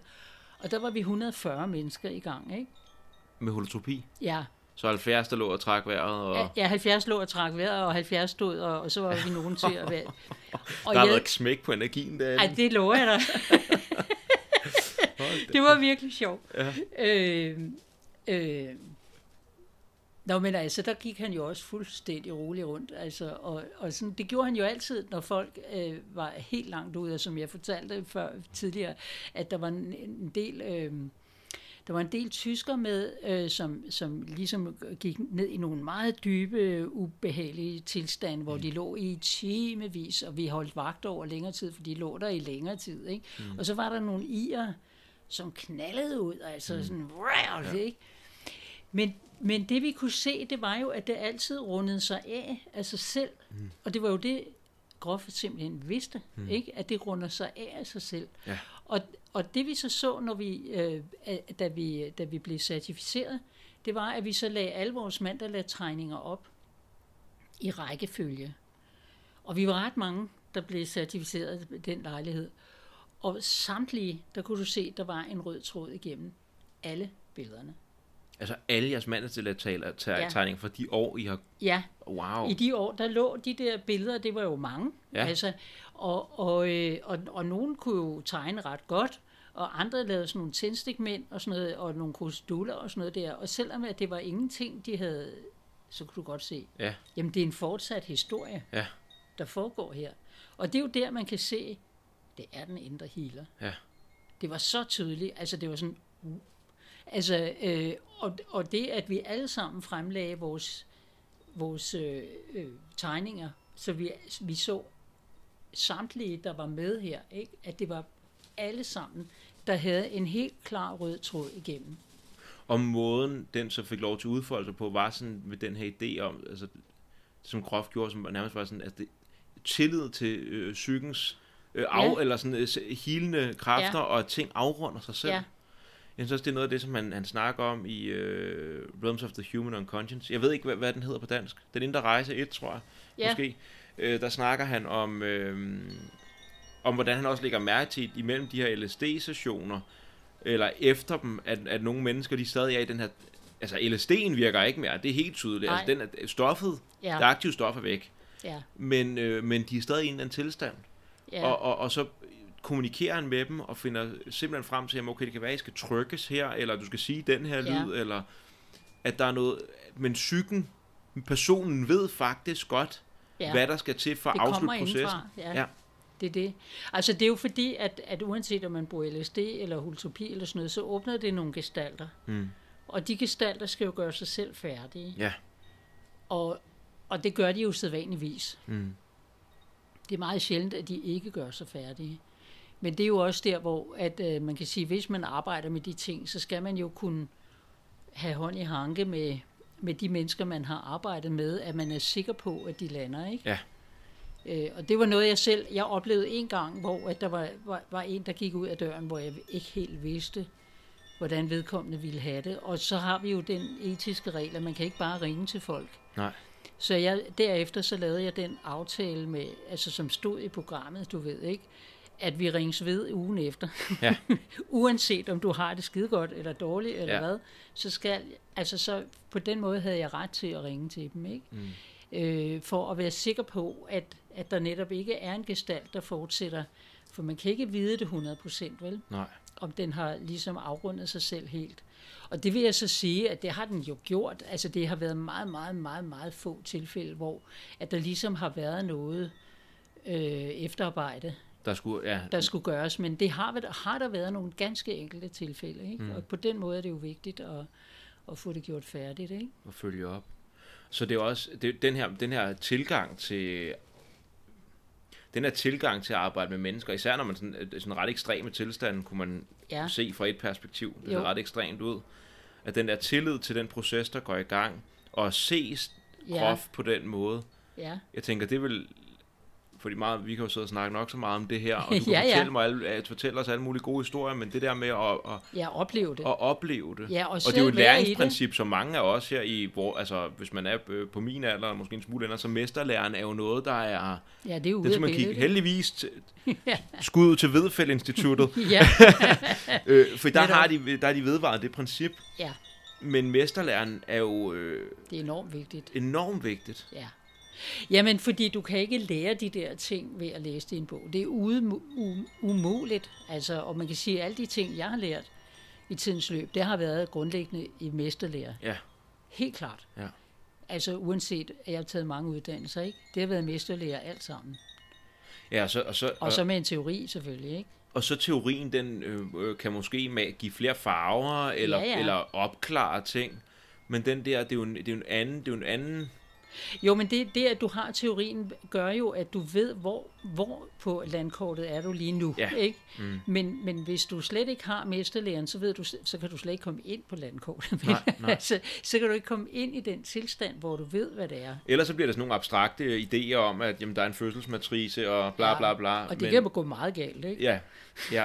det kan gå meget galt. Så det mesterlæreren også, tænker er noget af det, som den, og især med sådan en som Grof, øh, fordi det, det, må have stået meget, jeg tænker bare, det må have stået meget sådan frem på en eller anden måde, at han har det har i hvert fald også været mit indtryk, når du har snakket om ham, Ja, at han var en ret speciel, det var meget specielt at observere ham.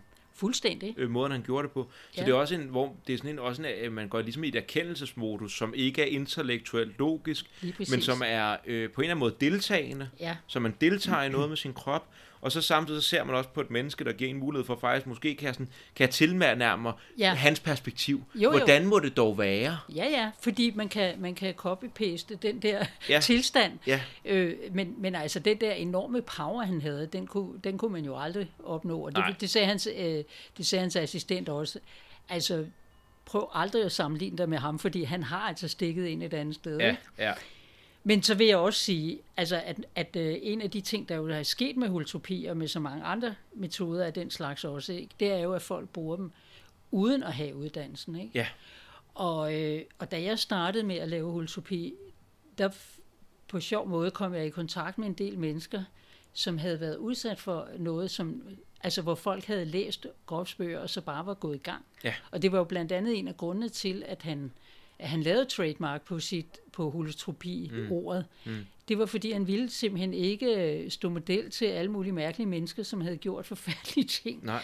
Og der var virkelig nogen, der havde fået nogle terapeuttraumer, fordi det er ikke særlig svært at lægge et menneske på en madras, og så spille noget musik, og så få dem til at trække vejret. Og så er de fandme i proces, hvis du... Altså, du kan være heldig til, at de ikke kommer i proces, men ja. hvis de kommer i proces, og du overhovedet ikke aner, hvordan, og du tror, du er kloge og der ved, hvordan du skal gøre, Ja. du kan lave sådan nogle skader på folk, Ja. ikke?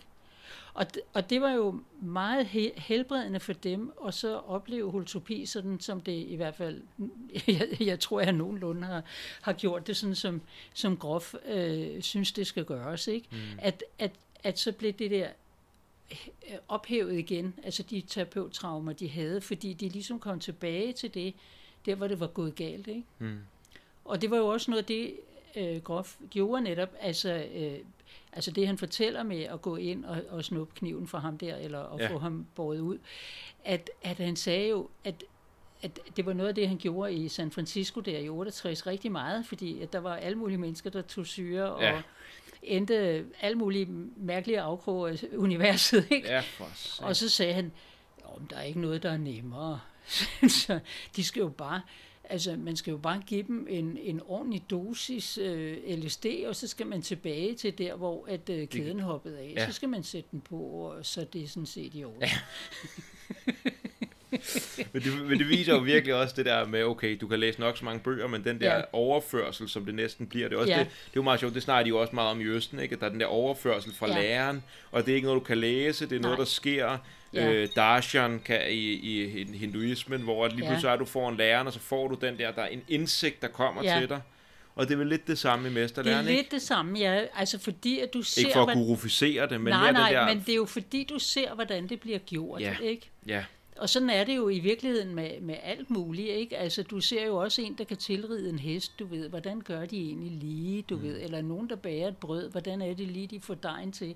Altså, så det er jo ikke så meget anderledes, øh, men det er jo fordi, at du fornemmer kropsligt, hvordan det er, og hvad for en tilstand den person er i. Så, Ja. Altså groft. Når Ja, spejlneuronerne, de kobler Ja, lige... spejlneuronerne går bare i gang, Ja, ikke? ja.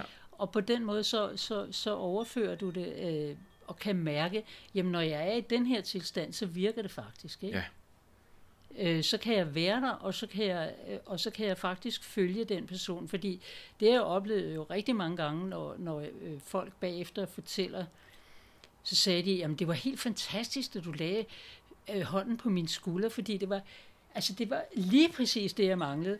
Og jeg tænker, nå, øh. det, ja, Ja. altså, jeg ved ikke, altså det var bare, øh, fordi jeg sad med dem, og, og du ved, øh, ja, så lagde jeg hånden der, ikke? Fordi, Ja, jeg sad med dem, og så lagde jeg hånden der. ja, ja, det var ikke, der var ikke sådan den der store indsigt, åh, jeg skal lægge hånden lige Nej. der, vel? Det er simpelthen noget, der sker. Altså, det er en tilstand, man er i, og Ja. hvor at man så synkroniserer på en eller anden måde, ikke? Ja. Netop fordi man nok også giver lidt slip på den der ego-ting. ja. Men, Og så fordi jeg selv jo selvfølgelig har, altså har, og det var jo en, af, en del af uddannelsen, det var jo at være i de der utopistilstanden ja, hundredvis af gange, ikke? Ja. Altså bare om og om igen, ikke? Ja, altså der er jo også noget, det går, at man ikke ved, hvad der foregår i den anden person. Nej. Men jeg tænker, det, at din krop har været i samme Den tilstand, har selv været der. der, der sker også et eller andet, som måske det ikke er, ko- jeg ved det ikke sådan metakognitivt, hvad mm. det er, der foregår, og hvordan jeg skal gøre, men min krop ved noget, som min... Jeg kan ikke forklare det. Nej. Ja. Man kan ikke forklare det, og jeg kan nemlig også huske en gang en, en kvinde, som jeg tænker, altså fordi man går meget, meget forsigtigt til, ikke? og jeg tænkte, har hun måske lyst til, at jeg lige tager hendes hånd, ikke? Og så tager jeg hendes hånd ganske forsigtigt, og så har jeg altid sagt til folk, du kan bare skubbe mig væk. Ja. Men det er, hvis jeg fornemmer, at nu er du et sted, hvor du ikke rigtig kan række ud, Hmm. så kan jeg, hvis det er okay med dig, øh, så kan jeg lige være forsigtig. Og så gjorde jeg det, jeg lagde hendes, min hånd på hendes, og hun skubbede mig væk. Hmm. Og så kunne jeg mærke den måde, hun skubbede mig væk på. Alle alle i hånden igen. Mm. og så kom vi i sådan en leg. Ja. Og så var hun jo, kom hun jo ind i den leg, man er i der ved halvandet års alderen, hvor man siger ja og nej. Ja. Og ja og nej. Ja. Og du må, og du må ikke. Mm. Og du må, og du må ikke. ikke? Mm. Og hun synes, det var så sjovt. ikke? Ja.